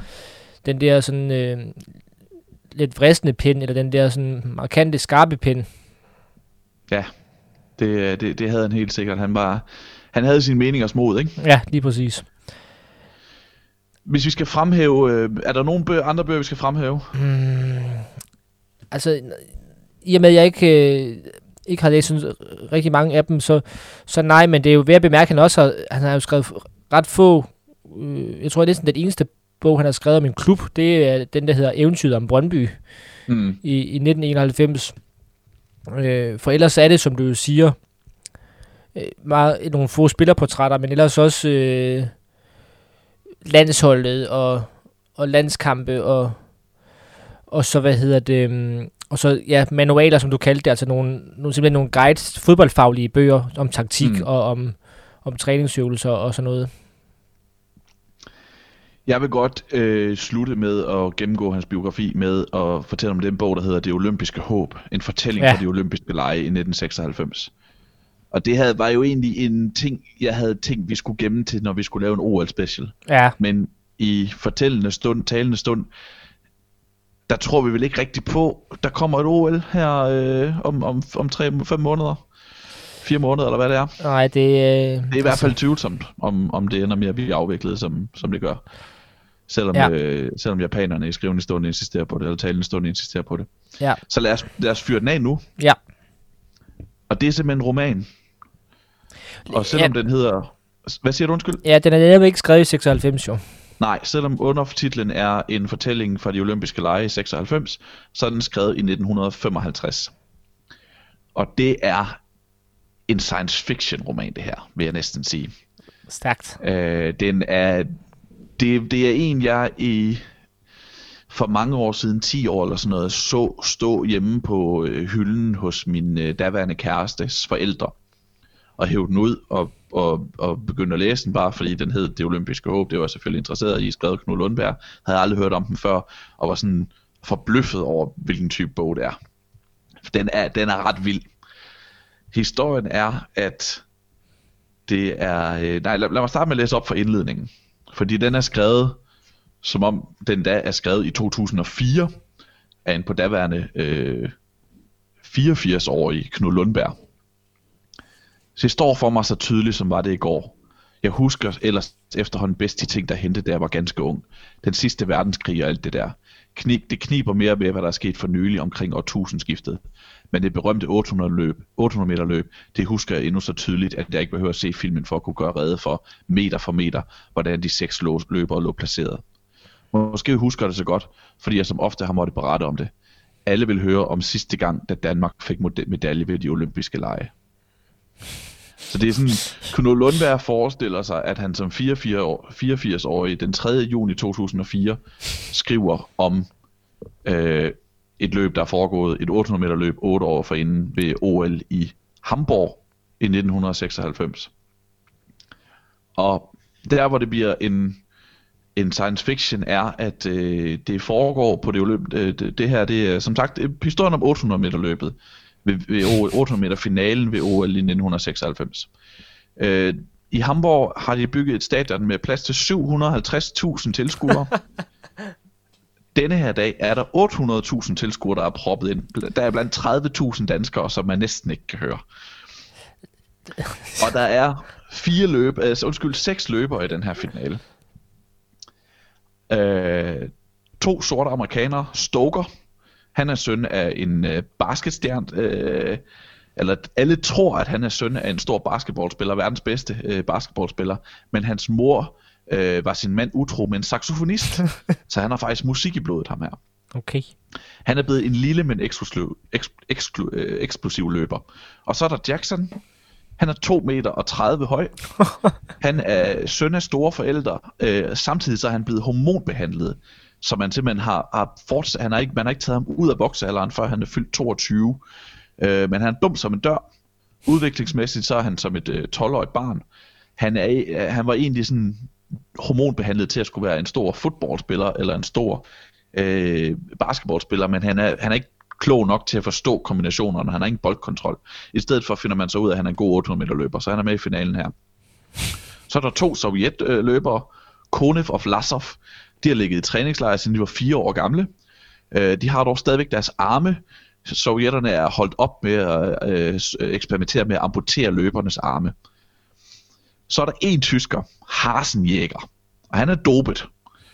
Øh, og det, det er det mindste af det, fordi han er øh, opdraget på en ridderborg i Schwarzwald sammen med 389 halvbrødre. Øh, hans far, Hubert Hasenjæger, han er dobbelt OL-vinder, og der er far til tusindvis af tyske atleter. Og han er jo homoseksuel, så de her, øh, da han er blevet far til dem ved, det antydes, at han er homoseksuel. Det, øh, han er blevet far til dem via kunstig befrugtning. Det er, jo, det er jo vanskeligt ikke at trække tråde til det, som øh, Knud Lundberg på det her tidspunkt, et cirka to årtier i forvejen selv har oplevet, ikke? Nede i, øh, nede i Nazi-Tyskland. Ja, ja.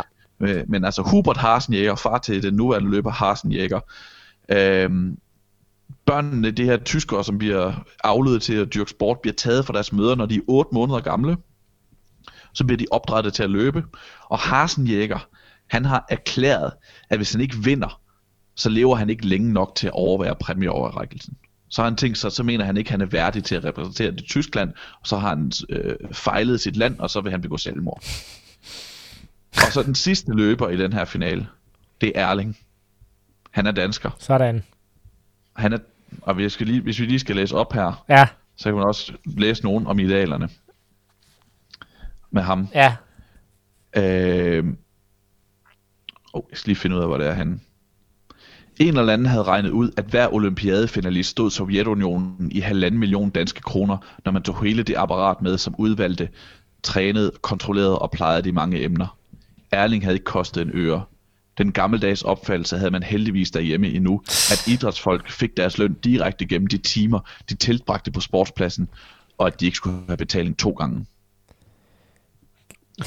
Det er en amatør i ordets sandeste og reneste forstand. Det skal jeg for. Øh, så det er altså de her to amerikanere, to sovjetter, tyskeren Hasenjæger, og så en dansker, Erling, som, øh, som skal løbe den her 800 meter finale. Og så er det jo faktisk en, en, en rigtig spændende og meget velskrevet tekst over 100, hvad er der i alt i den her bog? Det er en, det er en kort bog, men øh, det er sådan en lille pocket udgave, jeg har. 129 sider.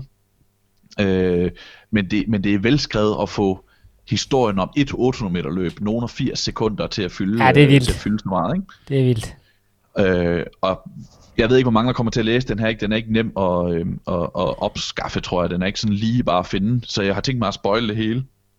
Det bliver, det bliver øh, amerikaneren Stoker, der vinder Det er Stoker, hele der vinder. sidst. Okay. Det bliver Stoker, der vinder. Den store favorit, det er Konev.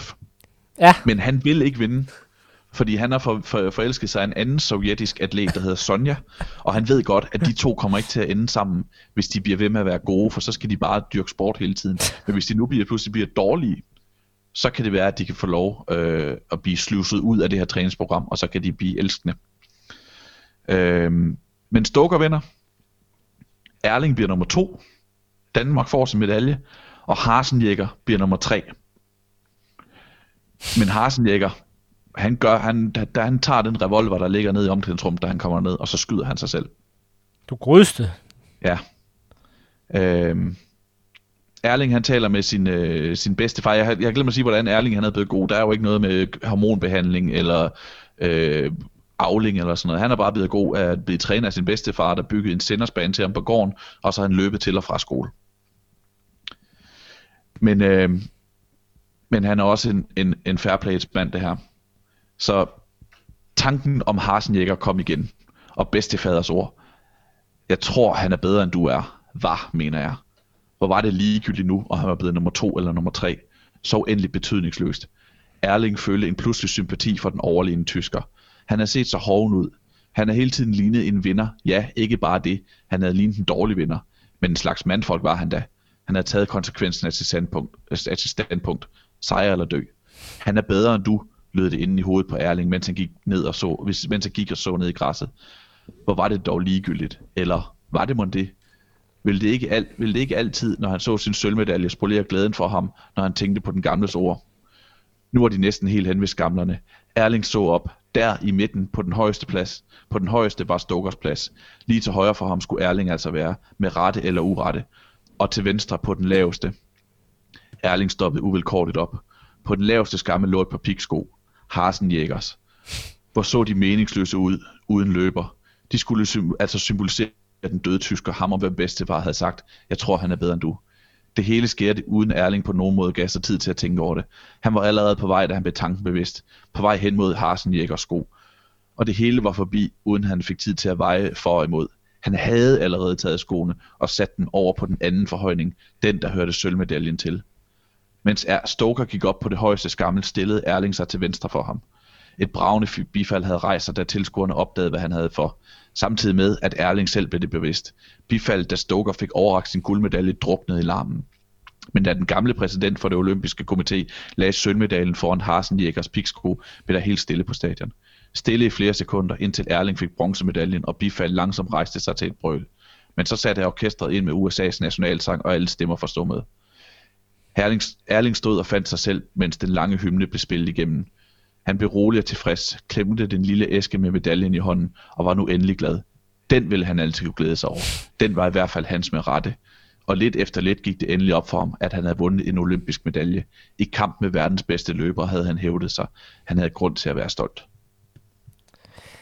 Punktum. Det er ikke slutningen. Slutningen er, at han kaster op over det, der er sket. Men, men, men det, det er under alle omstændigheder en, en vanvittig bog, Ja, og en- en, for, en forrygende læseoplevelse, og altså en Knud Lundberg i topform, der er sådan er, er helt tydeligt, altså der, det går for langt ud af det her, ikke? Men, der var ikke, altså sovjetterne har ikke skåret armene af folk, så vidt jeg ved, men han havde dog fat i nogle ting med, med på hvilken vej idrætten var på vej til. Ja, Ja, tydeligvis en frygt for, for de øh, kræfter, som er på spil i, i idrætten allerede i 1950'erne, da han skriver det her, ikke? Mm, absolut. Ja, det er interessant. Det lyder som en fed bog. Det, det er det virkelig, og den er nem at komme igennem, så hvis man kan finde den, så er det bare med at få den læst. Fedt.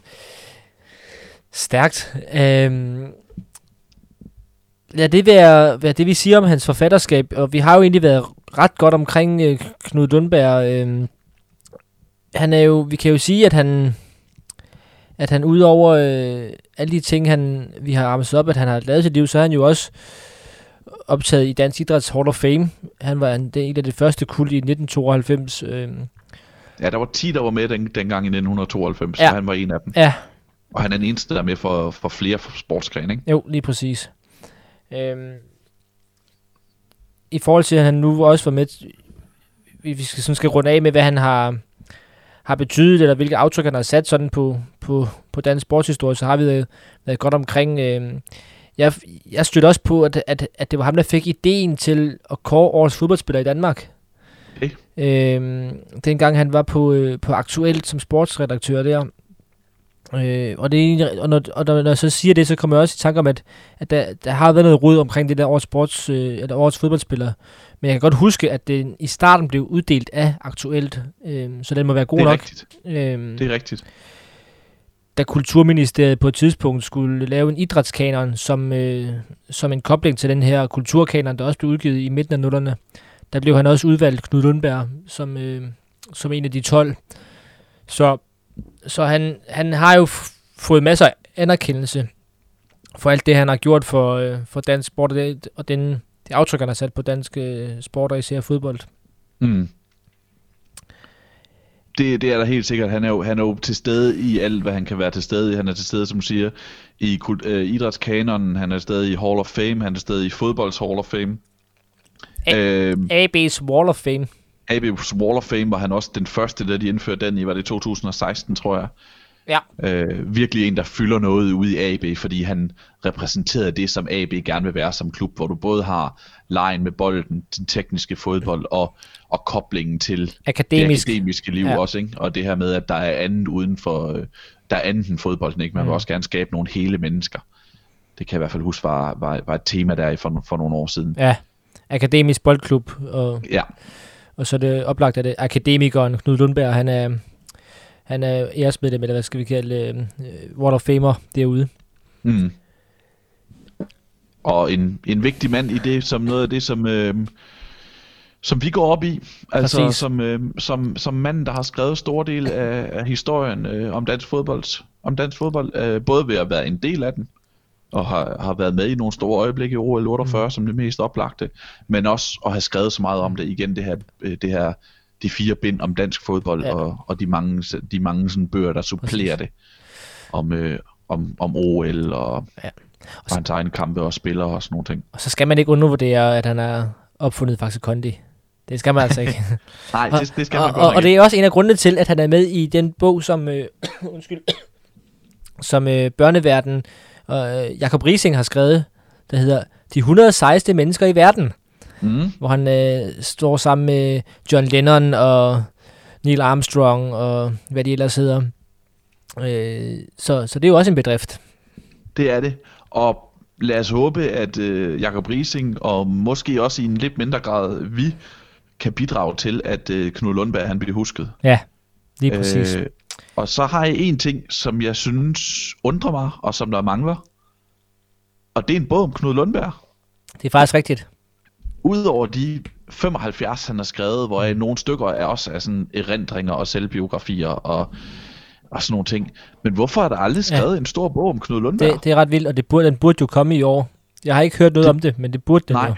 det burde virkelig komme. 100 året for Jamen altså en af, de, en af de 10 største danske sportsmænd, og en af de 10 vigtigste danske sportsmænd, der nogensinde har været. Ja, det er lige nøjagtigt. Det, øh, det, det mangler.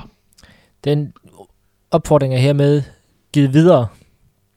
Og så må vi selv skrive det bag øret. Ja, jeg skulle, lige til, jeg, skulle, jeg skulle lige sige det, så må vi selv tage den, og, men så bliver det bare ikke i år, tror jeg. Nej, Omvendt, så er der jo, jeg ved ikke, om der er tid nok, men man skal i ikke bruge tiden på, på andet end at være inden for i øjeblikket, så kan man jo begynde på den slags. det er jo det.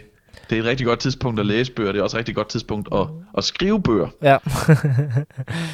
okay, lad os, det, lad, os det, lad det blive sidste ord om Knud Lundberg i denne omgang. Skal vi sige det?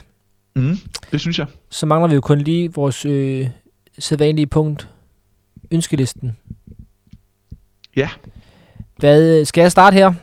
det må du gerne. Øhm, jeg har været over i, i bogreolen og kigge, fordi der, er- det er jo ikke nogen hemmelighed, at nogle af de bøger, vi har stående i vores reoler, det mangler vi stadigvæk at læse. Øhm, og jeg har grebet fat i en her, der hedder Fodboldliv, og der er allerede nogle advarselslamper, der blinker år, fordi der er, li- Ja. der er liv i titlen. Men, Det kommer an på, hvad for en af dem der er, fordi der er jo skrevet flere bøger med titlen Fodbold. Præcis, præcis. Og jeg ved, du, du, kan, du har læst den her. Men den her, den har også et snabelag i titlen. Ja, fordi det er en mailkorrespondance mellem Hans Lauke og Peter Sørensen, øh, som, øh, som er udgivet i 2011. Hans Lauke, tidligere sportschef i Vejle Boldklub, Peter Sørensen, nuværende Hobro-træner. Øh, hvor de venner løster fast. Jeg, har, jeg kan huske, at jeg engang har begyndt på den, og, og, noget, og noget, øh, noget en 30 sider ind, øh, kan jeg se, der er et øh, æselør her, og så er jeg ikke, øh, så er jeg ikke noget videre. Øh, så er jeg sikkert kastet mig over noget andet, men, øh, men jeg ved, du har læst den, Sebastian. Mm. Og øh, grunden til, at jeg gerne vil læse den nu, det er, øh, at øh, nu kom Peter Sørensen, han har fået lidt opmærksomhed på de sociale medier, fordi han deltog i en Mediano-udsendelse, hvor han øh, kom med sine synspunkter omkring, at øh, der blev spillet fodbold i, i sidste uge, øh, efter at der ligesom var blevet lukket ned forskellige steder i Europa, øh, hvor han jo ligesom fik den berettigede anerkendelse om, at han er et tænkende menneske, han har sagt. Øh, han har jo et specielt ry, Peter Sørensen. Jeg kender mm. Ham selv fra, da jeg havde ham som underviser på, på øh, Aarhus Idrætshøjskole i fagene fodbold og livsfilosofi. Øh, så jeg har oplevet Peter Sørensen stå i bare til at og, og øh, for, fortolke, altså intellektuelt øh, og øh, filosofisk fortolke C.V. Jørgensens sange og, og sådan noget. Øh, så derfor har jeg altid sådan fulgt hans øh, trænerkarriere med interesse og undrede mig jo meget, da han blev fremstillet ret øh, brysk og, og mystisk øh, af Peter Gravlund i den bog, øh, Peter Gravlunds selvbiografi. Ikke at jeg tvivler på, at det er rigtigt, det der står i den, men det er bare slet ikke det billede, jeg har af ham. Øh, Mm. For jeg har altid, jeg har altid synes han er interessant at høre på, Peter Sørensen. Øh, Hans Lauke, egentlig det samme. Nu kender jeg ham ikke så godt, men jeg kan huske ham fra, fra den tid i Vejle, og jeg ved jo, han er, er formet af, af højskolebevægelsen, har været, øh, været tilknyttet Vejle Idrætshøjskole, hvor jeg også selv har været øh, på et tidspunkt. Så det er bare to interessante personer, som jo vender øh, forskellige fodboldtemaer i den her mailkorrespondance, som er samlet i en bog. Så den tror jeg egentlig er interessant. Den- Den kan jeg kun anbefale at give dig kast med. Den er jo sådan lidt, altså den er udgivet på et bestemt tidspunkt, og, og, og mange af de ting, de sådan taler om, er fra det tidspunkt. Øh, så, så der er mange sådan aktuelle debatter i det, som jeg lige husker det. Ja, Men, så er der så noget med uh, Cantona, en, uh, Cantonas film, den der Looking for Eric er lige udkommet, og ja. så skriver de lige lidt om den og sådan noget. Og de snakker også en del om øh, den fælles tid, de har haft i Vejle Boldklub, hvor mm. Peter Sørensen var assistenttræner på et tidspunkt, hvor Hans Lauke var sportschef. Ja. Øh, Hans Lauke er jo en meget, meget, også en meget, meget venlig mand. Ham kender jeg også fra, fra da jeg selv var i Vejle og har haft en et bemærkelsesværdigt liv og har en bemærkelsesværdig tilgang til fodbolden. Han har også oplevet nogle tragedier undervejs. Han mistede sin datter, mm. øh, der døde på en, en backpackerferie, og han har selv været død, vil jeg nærmest sige. Han øh, fik et, et hjerteundfald øh, en gang i starten af 90'erne, øh, øh, og var død i nogle minutter, som jeg husker det, men blev, blev genoplevet. Øh, så han har en, en helt særlig indgang til, til, til fodbolden og til sporten og til livet generelt, og det har... Øh, Øh, det har Peter Sørensen også. Den, den, den, jeg husker den som god, men det vil også sige, at jeg læste den dengang den udkom. Ja. Så ja, spørgsmålet er, hvor mange af de ting, der er blevet bedaget mm. af, at og det er, er det jo med de aktuelle ting. debatter ja. Øh, fra 2009 eller 10, eller hvornår den er fra. Og, og altså det store problem er, øh, vi får lige vende tilbage til titlen Fodboldliv, er ikke så meget, at den hedder Fodboldliv. Den kunne godt have fået en mere interessant titel, men det er det der snabelag, som du siger, mm. der er i. For der hedder den jo Fodbalt. Ja, hvordan skal man udtale det? Ja, det, det, Fodba altså, det at, stabler udtales jo at på engelsk, så det kan også være fodbattle. Nej, mm. det, ja, det, kan, det går ikke. øh, ja, men øh, den vil jeg prøve at, at dykke ned i nu her, hvor der, hvor der ikke er så meget, meget andet at tage sig til, øh, udover at passe børn og, og arbejde. Så er der så ikke det er så langt... perfekt til en, øh, det er perfekt til en, til en uh, natbogsbog, øh, ja. natbog, øh, ja. natbordsbog, vil jeg sige. Fedt. Altså have sådan en læsende, og så lige læse en mail øh, hver aften, inden man går i seng. Ja, fedt. Det, den, øh, den glæder jeg mig til. Hvad har du på ønskelisten, Sebastian? Jamen ja, det vi oplever lige nu med fodbolden, der er lukket ned i hele Europa, har vi jo ikke oplevet øh, i den tid, jeg har levet, og heller ikke i mange årtier før.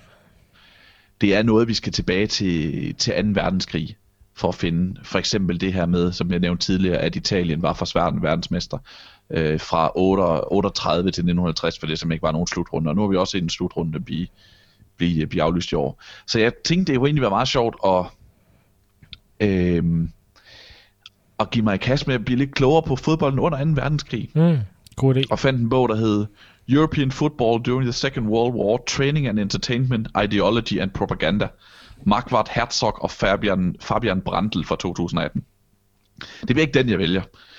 Øh, fordi jeg fandt den her bog, og den så måske lige... Det lignede sådan en universitetsbog, og hvilket utvivlsomt vil gøre mig klogere, men det vil også være 500 lange sider at komme igennem. Øh, så jeg er ikke sikker på, at det lige er sådan en, jeg kaster mig over lige med det samme, men den er i hvert fald skrevet bag øret. I stedet for, så tror jeg, at den, der officielt kommer på ønskesedlen, er øh, Football's 50 Most Important Moments. Det var en bog, jeg stødte på øh, så et, på et par dage siden, som udkommer den øh, 20. April 2020, skrevet af Ben Jones og Gareth Thomas, som også har en øh, blog online, øh, Football History Boys, tror jeg den hedder. Ja. Football's 50 most important moments charts the illustrious, colorful, and often tragic history of football, uncovering the sport's most significant and staggering moments. Starting in Victorian England with the 1857 introduction of modern football, we journey through the 160 years of incredible events to the modern day, where new and innovative ideas are changing the game. Uh, det er jo altid sjovt med det her. Altså, der er jo altid noget med lister i sig selv, ikke? Ja, præcis. Det med at sige, okay, hvad er fodboldens 50 vigtigste øjeblikke. Øh, så det er, der er noget med lister, hvad enten det er de 50 vigtigste øjeblikke i fodboldhistorien, hvad enten det er de 100 største øh, håndboldspillere i, i dansk historie, eller øh, de, de årets 30 bedste spillere på en Ballon d'Or liste, så er der bare noget med lister, som er sjovt at gå igennem og være uenig med, eller være enig med dem i. Øh, og så er der en ting, der lokker ved den her bog, og det er, hvis man ser forsiden på det, så står øh, Kim Kristofte med EM-pokalen i 1992. Stærkt. Og der er, det er sjovt, det, det, det bliver sjovt at læse, hvad, øh, hvad, ja. hvad de her to englænder, øh, Ben Jones og Gareth Thomas, jeg tror de er englænder, de er i hvert fald engelsktalende, øh, synes om det øjeblik, og hvorfor det kvalificerer sig til at være på et af de 50 største øjeblikke i 160 års det er, ret, det er ret vildt, at den er med på den liste, trods alt. Den er i hvert fald på forsiden, så jeg ja. går også ud fra, at den er ja, med på listen. Ja, fedt. Jamen, den, øh, den glæder mig da til at høre om, hvis du øh, har den med øh, som en, en siden sidst på et eller andet tidspunkt øh, mm. i den kommende tid, fordi vi kommer jo også til at sende bøger i april, uanset hvordan verden... Ah, uanset, men der skal gå meget galt, vil jeg sige. Meget endnu mere galt, hvis vi ikke ja. øh, kan finde en, en Skype-forbindelse eller lignende og optage videre om en måneds tid, hvis verden stadigvæk er på den anden ende til det tidspunkt. Er vi ikke ved at være ved dig sende, Sebastian? Jeg har ikke mere. Det har jeg heller ikke. Så øh, er der bare tilbage at sige, at folk skal, skal huske at bruge tiden fornuftigt nu. Bliv indendør. Vask hænder. Og læs fodboldbøger. Er det ikke sådan? Det er, må være vores motto i disse tider. Præcis. Tak fordi I lyttede med. Vi er tilbage i april på Genhør.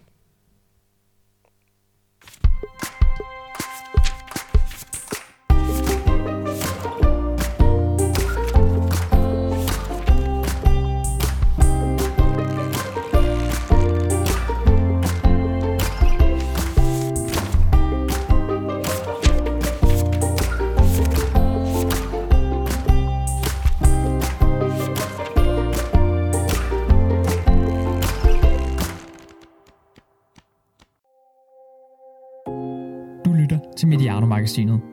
Det er kanalen for det mest unikke indhold fra Mediano. Partner på alt indhold er Arbejdernes Landsbank. På Mediano ønsker vi at lave kvalitetsindhold, som er gratis for vores lyttere. Det er vores model, og det kan kun lade sig gøre, fordi vi har partnere som Arbejdernes Landsbank.